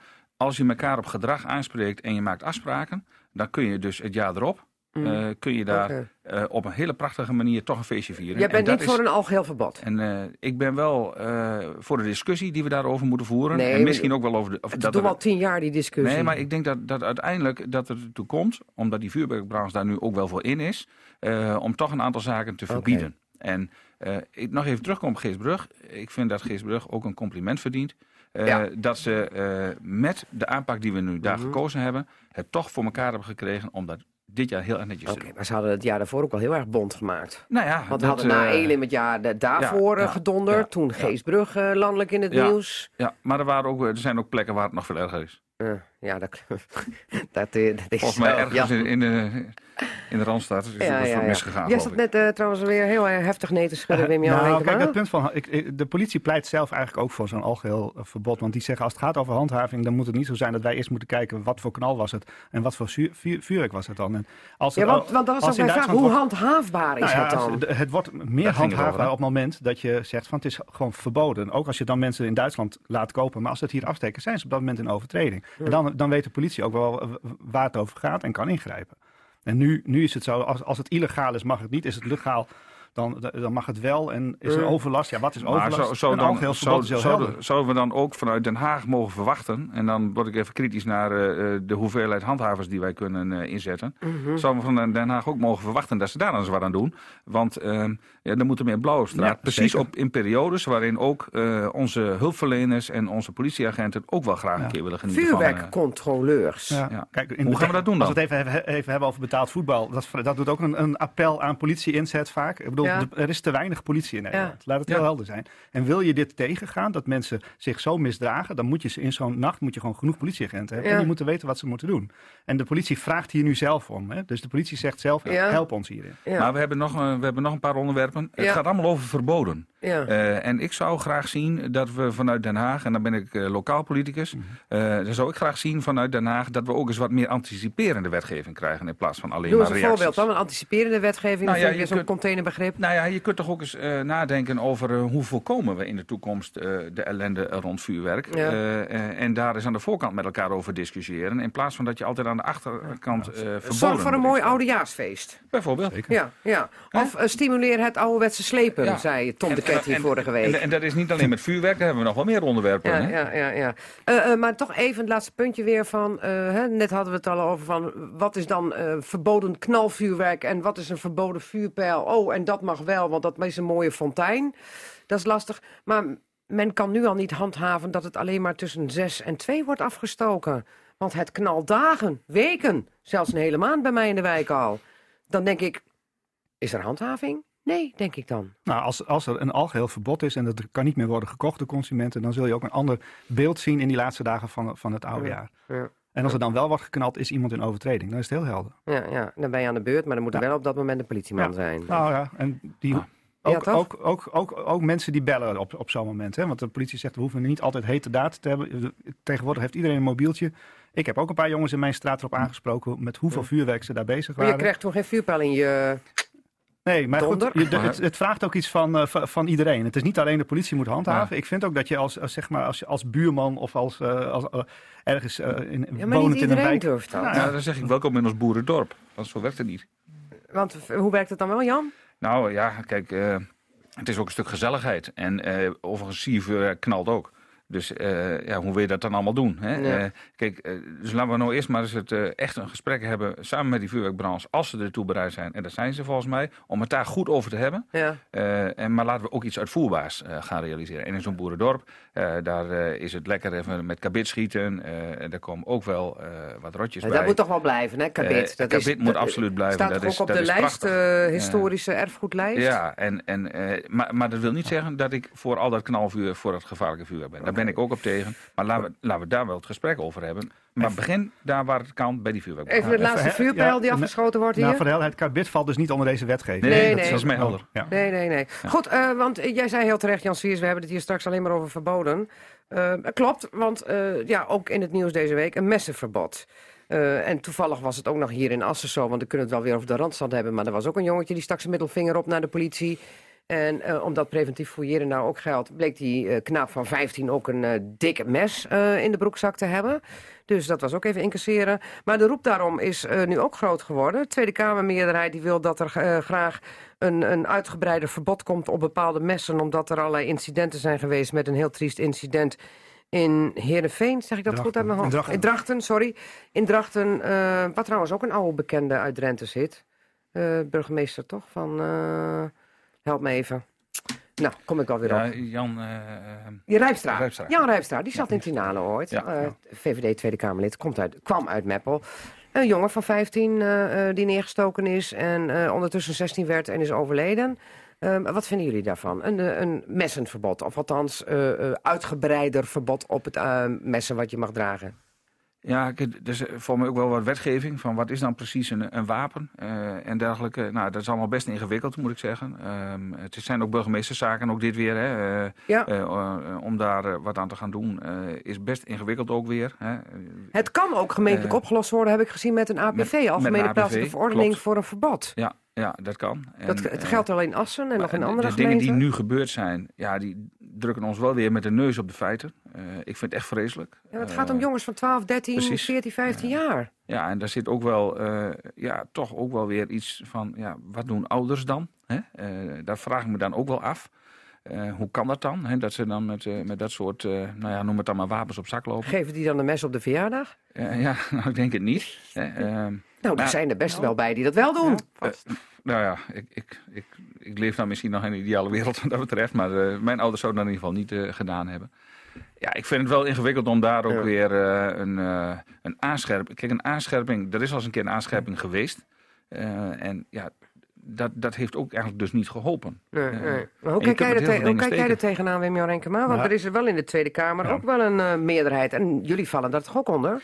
Nou, wij willen, in ieder GroenLinks? geval, wij willen in ieder geval dit, dit, dit thema op de agenda Ja. hebben. Want het is verschrikkelijk wat er gebeurt als, eh, zeg maar, als je zoon niet meer thuis komt en gewoon uitging. Hè? In, in Drachten, een Ja. jongetje van 15 naar de disco. Eh, er is al een lange lijst met messen die verboden zijn sinds 2012. De, de vraag is of het ook daar wel wordt gehandhaafd. Kijk, maar ook met een gewoon zakmes eh, heb je niks te zoeken in een discotheek of in een kroeg. Nee. Eh, ook daarmee eh, kun, je, kun je iemand verwonden. Dus het zal niet alleen liggen aan de, die, die lijst met wapens, die moet, moet, verboden Nee, wapens moet precies. langer worden. Het gaat hier ook echt over handhaving maar, en ook over opvoeding. Het gaat hier ook over van wat, wat weet je wat je eigen kinderen hebben en wat, en wat ze doen. Ja, want ik las ook dat iemand zei van iemand kan ook zo met een aardappelschilmesje het huis uitlopen en eh, daar hele rare dingen mee doen. Hoe kijk jij er tegenaan, Willem Meeuwsen? Een verbod of Ja. althans een uitbreiding van het verbod van het soort messen? Nou ja, wat ik begrepen heb is dat eh, het Openbaar Ministerie en de politie aangeven dat het wel helpt als de, eh, de wet scherper zou worden. Dat zij dan meer mogelijkheden hebben. Dus ehm, nou, dat zou wel een reden kunnen zijn om dat wel te doen. Mhm. Ehm, en hoe precies, ja, dat is hartstikke ingewikkeld. Van, moet je dan hè, een lijstje met, met messen? Nou, we zien dus weer een nieuw mes, dan staat die weer niet op het lijstje. Of, nou ja, dat is heel ingewikkeld. Ik las ook al dat ze eh, ergens in de Randstad, dan liepen ze met kleine hockeysticks rond. En er was dan geen mes. Kleine hockeysticks, Kleine om iemand de hersenen in te meppen of Ik zo. weet niet wat je daar allemaal mee kan, maar weet je, je kan altijd iets verzinnen om een ander eh, letsel mee toe te brengen. Dus het is, ja, maar het is ook wel, je denkt, hoe, hoe bestaat het? Hoe Ja. bestaat het? Ja, ja, ja. Maar goed, eh, eh, weer iets met een verbod en uitbreiding. En dan gaat het ook weer om handhaving natuurlijk. Want preventief kan me, fouilleren ik kan me middel niet zijn. voorstellen dat er iemand, dat we met z'n allen een goed idee vinden dat je gewoon met een mes, kijk van vuurwerk kan je nog zeggen, daar kan je nog op bepaalde manieren lol aan beleven, maar het rondlopen met een mes valt toch niet in die categorie. Dus dit, dit is toch echt wel iets anders. Mm, Maar het is wel een zorgelijke ontwikkeling als je dan leest eh, wat, eh, hoe jong eh, eigenlijk de mensen zijn die met zo'n dik mes op zak lopen. Ja, maar ook, ook ouderen vind ik het raar. Ja, nee, maar is toch ook raar? Ja, dat is ook raar. Is ook maar ik bedoel, als je kijkt eh, naar de Ja. jeugd, dan schijnt het heel hip te zijn dat je met een bepaalde. Het schijnt ook nog bepaalde. Hoe, ik heb het gelezen in de krant, maar ik ben nu even kwijt hoe dat heet. Een hupplepup op, je, op je hip. hip, Ja, ja. Zo, zoiets. Ik denk, nou, dat schijnt heel normaal te zijn. Nou, dan denk ik, ik vind het niet normaal. Misschien ben ik wel ouderwets. ja. Goed, maar eh, of dat uitvoerbaar is en of er ook van komt, eh Wim Jarenke, maar is nog maar zeer de vraag. Nou, ik, ik denk, ik, het, het verdient echt alle aandacht om dit eh, tegen te gaan. Ik denk ook dat de politie daar. Het is heel helder. Als die zeggen dat hebben we nodig, dan moet je dat als wetgever regelen. Maar ik denk dat de horeca ook zelf wel een rol heeft. Hoor. Ik wil, wie komt er binnen en wat hebben mensen bij zich? Wat straal je ook uit? Wat je Fouilleren normaal... voordat je binnenkomt. Nou, ik bedoel, als je tegenwoordig naar sommige concerten gaat, word je gewoon, eh, eh, eh, ga jij gewoon Ja. je tas laten zien. Hè? Dat doen we in de horeca niet, willen we eigenlijk ook niet. Hè? is ook vrijheid, je wilt ook binnen kunnen lopen. Maar ik begin, ik begin wel af te vragen of je daar op een gegeven moment, of we daar niet wat naïef in zijn met elkaar. Uh, maar het is, het is wel lastig, want een, uh, als we kijken waar die steekpartijen dan plaatsvinden, uh, die vinden vaak niet in de horeca gelegen. En de buiten. Die vinden vaak daar buiten Als het drank al is, is in de man, zeg maar, vaak. Ja, maar als je een mes bij je hebt, als je binnenloopt en daarna weer buiten loopt, dan weet niemand ervan, maar iemand heeft het wel in zijn broekzak zitten. Ja. En, en, en, en, een zakmes hoort gewoon niet thuis in een kroeg. Nee, Nee. daar Ja. zijn we denk ik heel snel Jullie over zijn het eens. daarover eens, maar hoe je het dan vervolgens oplost eh, eh, om het helemaal uit het straatbeeld ook te krijgen, eh, dat is nog de vraag. Even heel kort nog, want ehm, jarenlang is het eh, illegaal bewonen van vakantieparken al eh, in Drenthe in het nieuws. En hoe moet de gemeente daarmee omgaan? En, komen, en die willen eigenlijk ervan af. Want die hebben er dan geen zicht op wat er zit. En het is niet brandveilig en allemaal toestanden.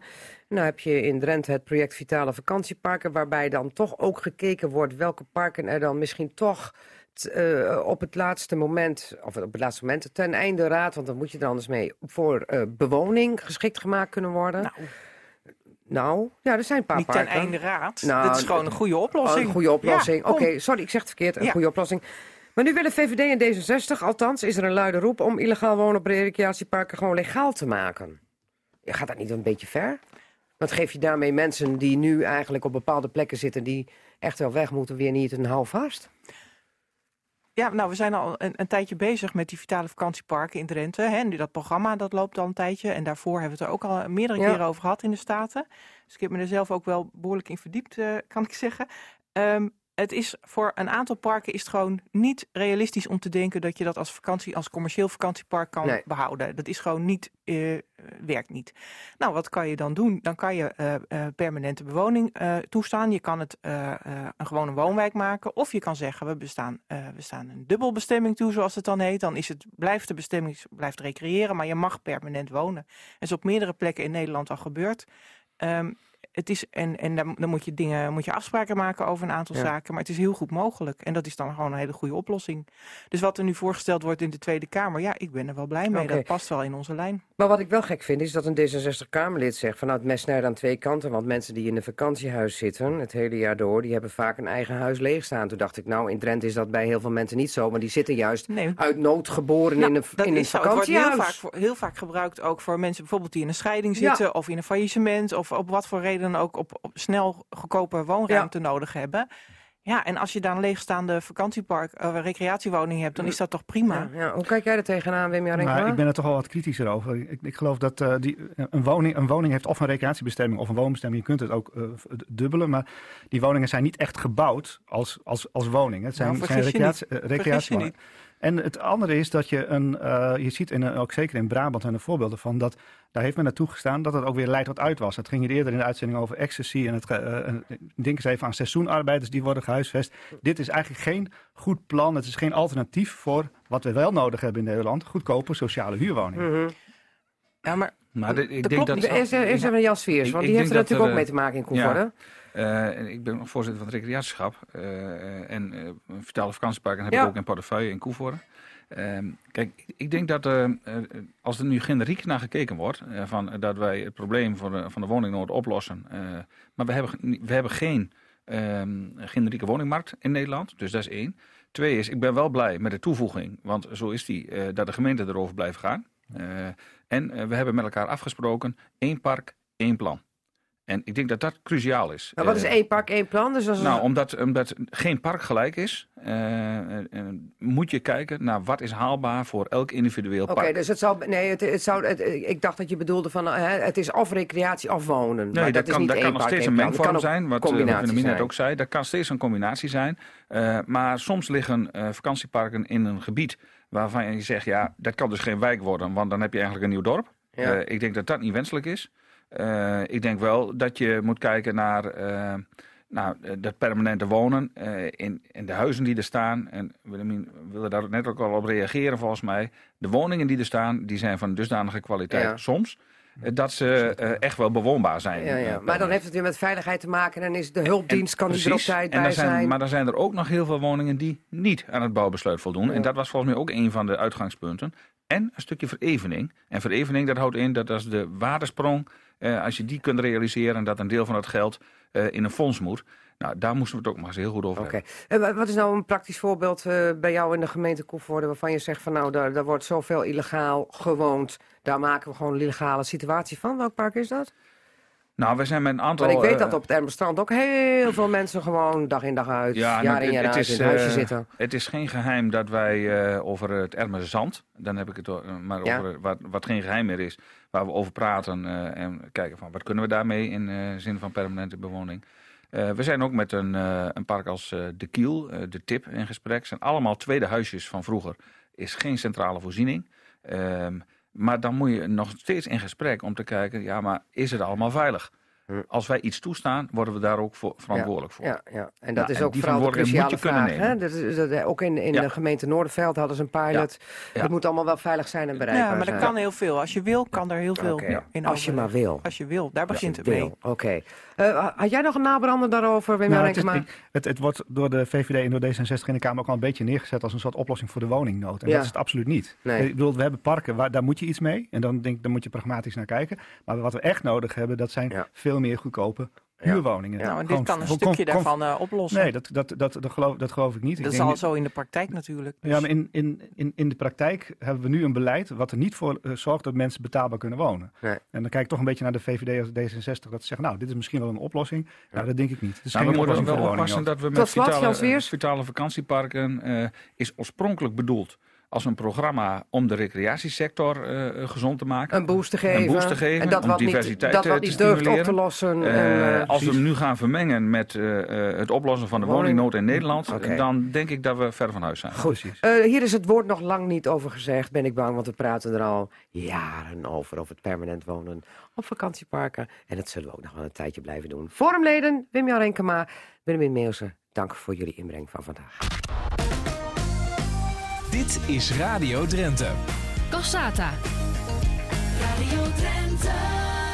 Ja, we hebben in Drenthe nog een bijzondere transfer per 1 maart van dit jaar. Maar dan niet in de sportwereld, maar in de cultuurwereld. Want Marietta Jansen die vertrekt bij het Groningen Museum als conservator... om vervolgens directeur te worden bij eh, Museum de Buitenplaats in Eelde. Gefeliciteerd. Dankjewel. En het voelt een beetje als thuiskomen, hè? Want eh, je komt uit uh, Eelde-Wolde, of daar ben je opgegroeid. Klopt. En eh, via Groningen weer terug naar Eelde-Wolde, naar Eelde. Nou ja, Eelde, Paterswolde. Hè, Ja. Dat is geloof ik één, één naam tegenwoordig. Maar ja, dat klopt. Ik, ik, eh, ik woon daar ook vlakbij. Dus Oh, dat is helemaal ideaal. Je Dus kunt ik- lopend heen. Ik kreeg zoveel reacties van nu kun je naar je werk lopen tegenwoordig. Ja?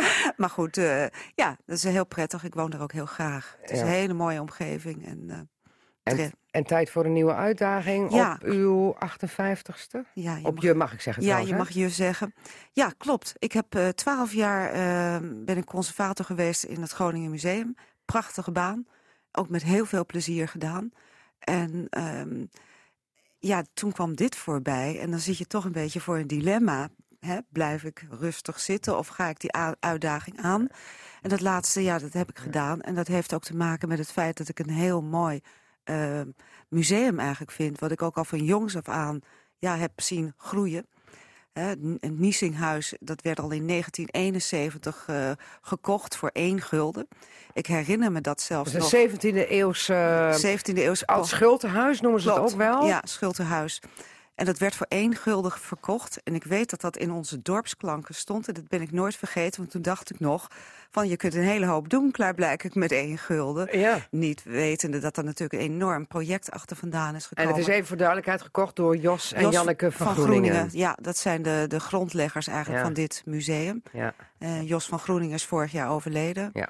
En eh, ja, die heeft eigenlijk heel veel betekend voor, voor het ontstaan van Ja. eh, ja. Dat hele En complex. Janneke, Janneke, zijn vrouw, was al eerder overleden. Maar Ja. daarmee zijn de Van Groeningens eigenlijk, de grondleggers, die zijn weg. Dat klopt. Ja. En, eh, maar goed, het museum dat moet natuurlijk voort blijven bestaan. En mijn voorganger die, is nu directeur geworden bij de Stichting Oude Groningen Kerken. Dus dat was ja, plek voor iemand anders. En ik zie dat eigenlijk heel erg zitten. Het is gewoon een, een prachtig museum met mooie omgeving.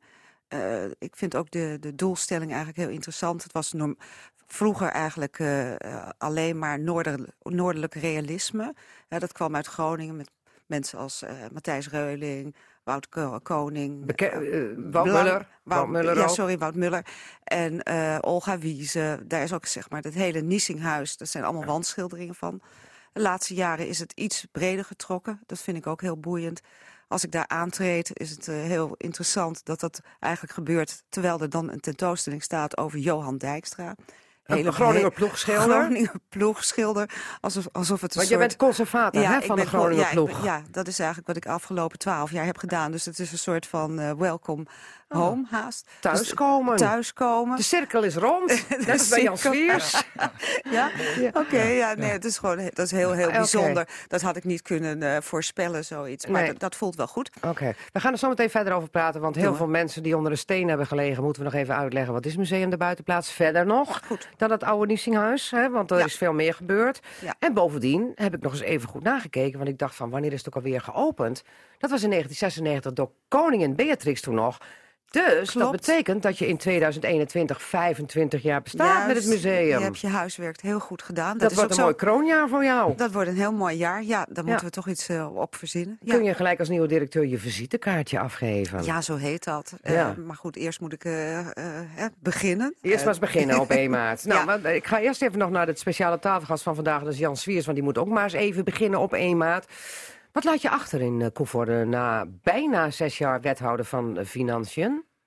Ja, ik, ik laat in ieder geval een hele mooie functie achter als eh, wethouder, want eh, daar ben ik echt wel enthousiast over geworden. Eh, Wie tip jij als opvolger? eh, dat, dat gaan we, eh, de gesprekken starten maandag. Oké, ben je daar Eh, nog bij betrokken? Eh, ja, uiteraard, zou ik haar zeggen. Maar eh, uiteindelijk eh, beslist ons bestuur samen met de fractie. Ja, maar ze zeggen wel eens, soms, sommige wethouders die weggaan... ik ga niet over mijn graf heen regeren, daar trek ik mijn handen van af. Maar jij bemoeit je er wel mee. Nou, bemoeien is misschien een groot woord. Ik ben er niet verantwoordelijk voor, voor die keuze. Maar ja, ik denk dat het wel nuttig is om toch even mee te geven wat er allemaal gedaan wordt door wethouders. En hoe die profielschets er dan uit zou kunnen zien. Oké, want er komt een profielschets. En ik heb al begrepen dat er binnen de eigen fractie niet voldoende kwaliteit is die dat kan doen.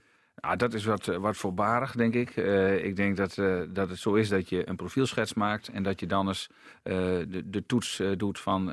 zitten de mensen die aan die profielschets voldoen. Ik denk dat we dat proces ook gewoon heel zuiver moeten doen. En, en daar hou ik ook wel van. Maar het is maar zomaar 1 maart, Jan Swiers. Wij kunnen En snel dan ben jij weg. We kunnen heel hard werken met elkaar. Nou, ik, ben, ik blijf lid hoor, dus eh, van de Oh, partij. oh, dat, dat En, kan eh, ook gewoon Maar als goed, je... vroeg, wat laat ik na? Ja. Eh, ik Achter? la- eh, wat- Of na, ik dat kan ook. Eh, nou, in ieder geval eh uh, Koevoorden, ehm, eh, die er goed weer op staat. Ja. En eh, die eh, financieel gezond is, ehm, eh, waar een goede sfeer is in de gemeenteraad en een goede sfeer is eh, in de organisatie, eh, waar we de verbinding met inwoners eh, voor een deel weer hersteld hebben. En. Maar- daar ben ik het meest Oké, trots en op. waar kan dan de sticker op, als je moet kiezen, meet bij Jan Swiers? Nou, als ik daar toch één ding van Je mag maar één noemen, ding. Één ding. dan eh, ga ik voor, en dat is echt het mooiste project wat ik heb kunnen faciliteren, moet ik zeggen. Samen met de gemeenteraad en maar sticker Nee, Jan Swiers, sticker Jan Swiers. eruit, dan zeg ik glasvezel in het buitengebied. Oké. En ook nog Home Connected noemen ze dat dan.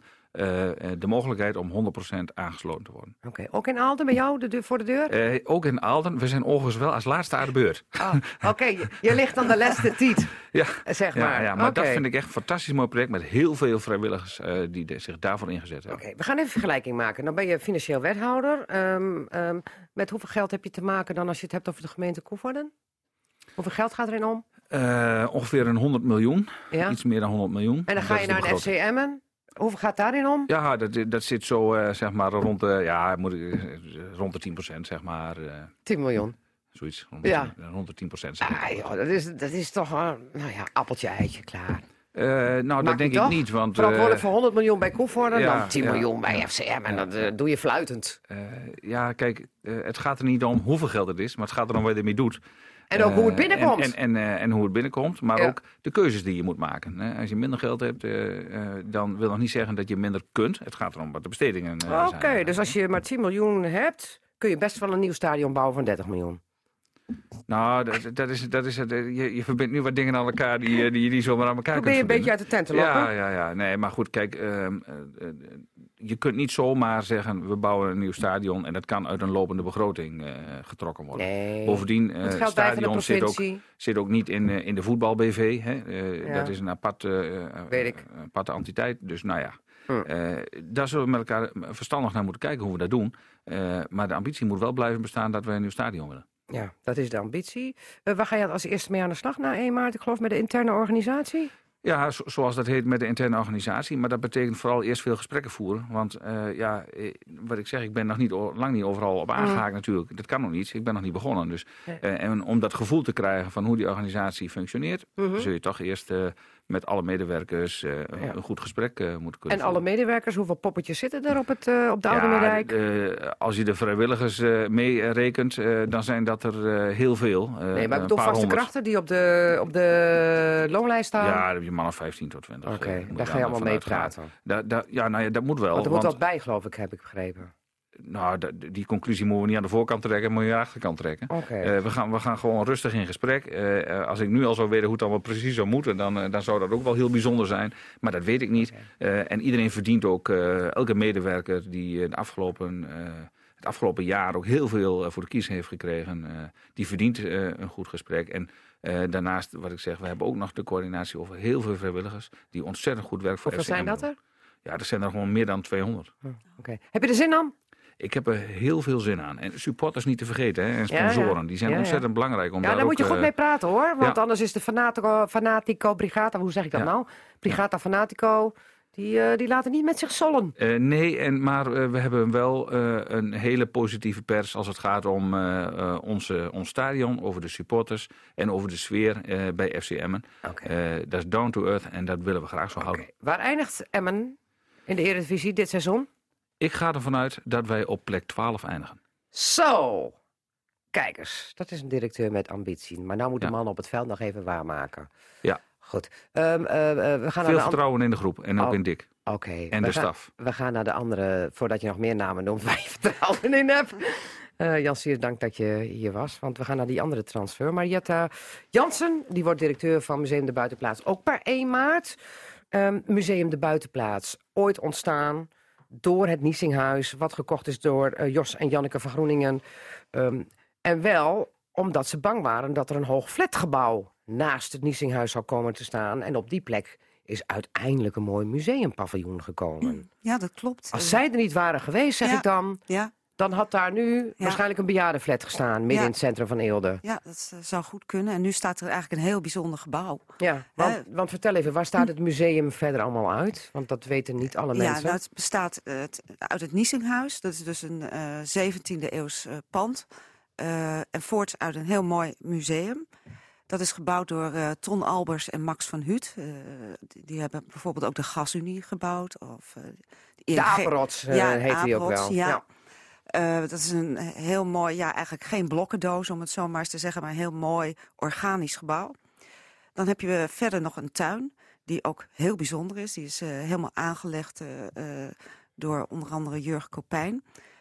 Dus je hebt eigenlijk een heel complex. Er is ook Ja. nog een oranjerie, waar ook nog van alles gebeurt. Dus het, het, zijn meerdere gebouwen en meerdere mogelijkheden. Daarnaast heb je naast tentoonstellingen ook muziek. Ja. Vaak op de zondag. Podiumkunsten. Podiumkunsten. Ja. Dus en literatuur, er is een beeldentuin.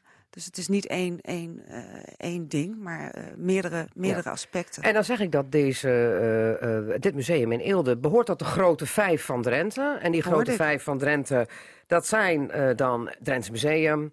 het gevangenismuseum in Ja. Veenhuizen, het herinneringscentrum Kamp Westerbork, het Hunebedcentrum. Ja. En dan heb je museum De Buitenplaats. Juist, Ja. ja. En dan, en dan, ik was daar eerst verbaasd over hoor, toen ik dat hoorde. Maar Ja. als je dan kijkt ook naar de bezoekersaantallen, dan is, is dat ook met recht dat ik verbaasd ben. Want Ja. bij hun komen er toch dan eh, Veel eh, meer. eh, Ja. 100.000 Ja. over de vloer. Net niet bij het Hunebedcentrum trouwens, nog Nee. steeds niet. Nee. Maar bij jullie is het dan 20.000, 30.000. Dat Nou, zijn heel andere grootheden. Ja, klopt. Eh, goed, het is een kunstmuseum. Hè? Het is natuurlijk Voor een ander... figuratieve kunst. Voor hè? figuratieve kunst, inderdaad. Dus datgene wat, hè, eh, wat, wat werkelijkheid verbeeldt. Ehm, maar ja, aan de andere kant denk ik dat je ook niet zo moet meten met, hè, met, met, met alleen maar anderen. Het is ook echt een, Ja. een, een plek. Eh, het is geen Groningen museum, het is geen Drents museum. Het is geen, hè, als je dat hebt gezien en je denkt ik heb nog eens een, een middag of een ochtend over, dan ga je naar de buitenplaats en Mhm. dan kan je mooi naartoe fietsen. En daar kun je een ochtend of een middag doorbrengen. Ja. Eh, maar je moet niet op die manier willen concurreren, want het is een heel ander, andere. Ja, het is veel intiemer, om het zo Mhm. maar eens te zeggen. Ja. Wat het eigenlijk ook heel interessant maakt. Ja. Wat, wat is voor jou het meest interessante nou? Want het grappige is, je bent ook dochter van een kunstenaar. Ja, ook Eh, nog. ook nog, eh, eh, inmiddels overleden trouwens, Ja. eh, eh, Han Jansen. Ja. Ook een eh, beeldend kunstenaar, eh, eh, een schilder. Mhm. Ook een figuratief schilder. Het zou, en toen dacht ik, het zou zomaar kunnen zijn dat de dochter een ontzettend leuke tentoonstelling wijdt aan pa. In eh, een soort hometown tentoonstelling. Ja, nou daar ga ik nog niet op vooruit lopen. Nee, maar ik, ik heb namelijk even gekeken, wat maakt Ja. dan vader Jansen? En dan zie ik toch ook al heel veel figuratieve kunst. Want Ja. figuratieve kunst is dat mensen kunnen zien wat het is, Ja, hè? precies. Niks, geen abstract, Nee, dat- ook geen vlakken, maar gewoon figuratief. deed hij uiteindelijk ook wel, zoals ve- veel meer kunstenaars die die Ja, hij overgang werd steeds wilder, heb ik begrepen. Klopt ook, maar nee, daar ga ik nu daar ga ik niet, Oké. niet van Maar je hebt wel kunst in het bloed. Het zit, het zit in mijn DNA, inderdaad. En dat is ook inderdaad eh, waar dat ik, eh, dat ik daar heel veel aardigheid aan heb, ook in mijn vrije tijd. En het is een prachtige plek waar overigens ook heel veel vrijwilligers werken. Dat mag wel eens gezegd, ook Hoeveel? meer, meer dan 100.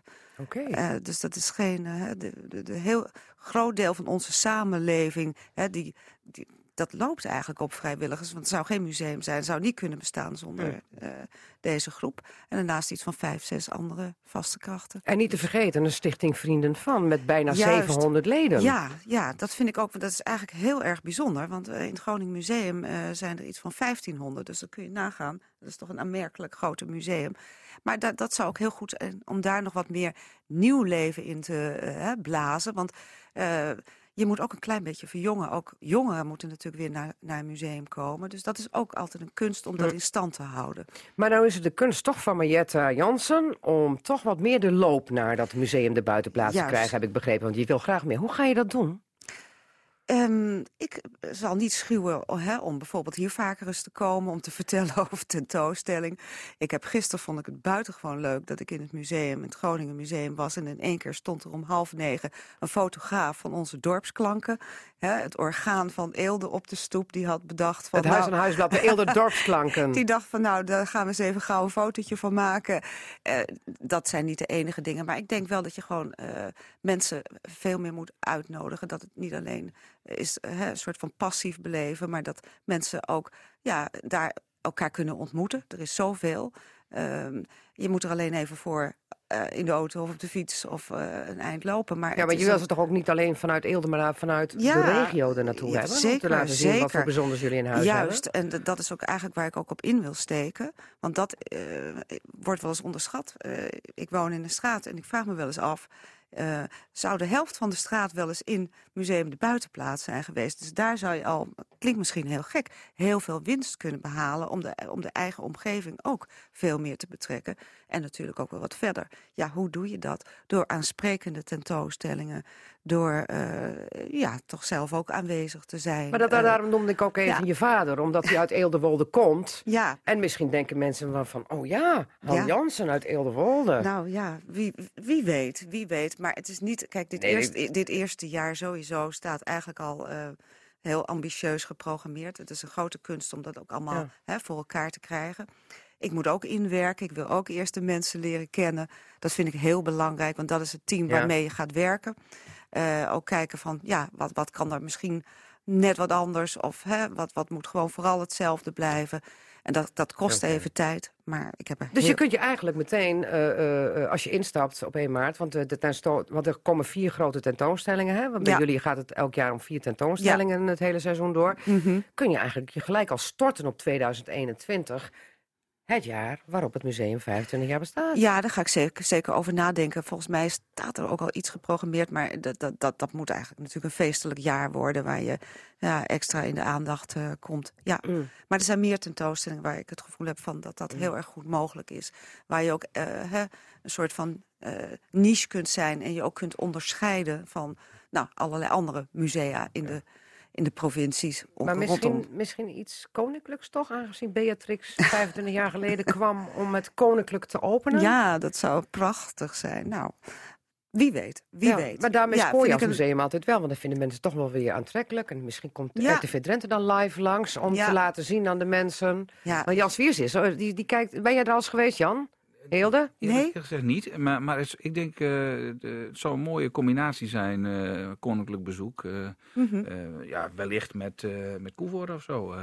Ja. Dat, dat gun ik Van de wel. ene hoek van Drenthe Ja, wie weet. naar de andere hoek Wie van Ja, Drenthe. we weet, worden, wie weet. We worden een culturele gemeente Dat is heel mooi. eh, in 2021, 2022. Dus eh, Ah, ja, Oké. er is ook wel iets te doen in Koevoorde. Ja. Oké, nou ja, goed, het is moeilijk te combineren natuurlijk, Eelde en Koevoorde. Maar wie weet. Nou, Oké, wat is het eerste waar je je tanden in gaat zetten?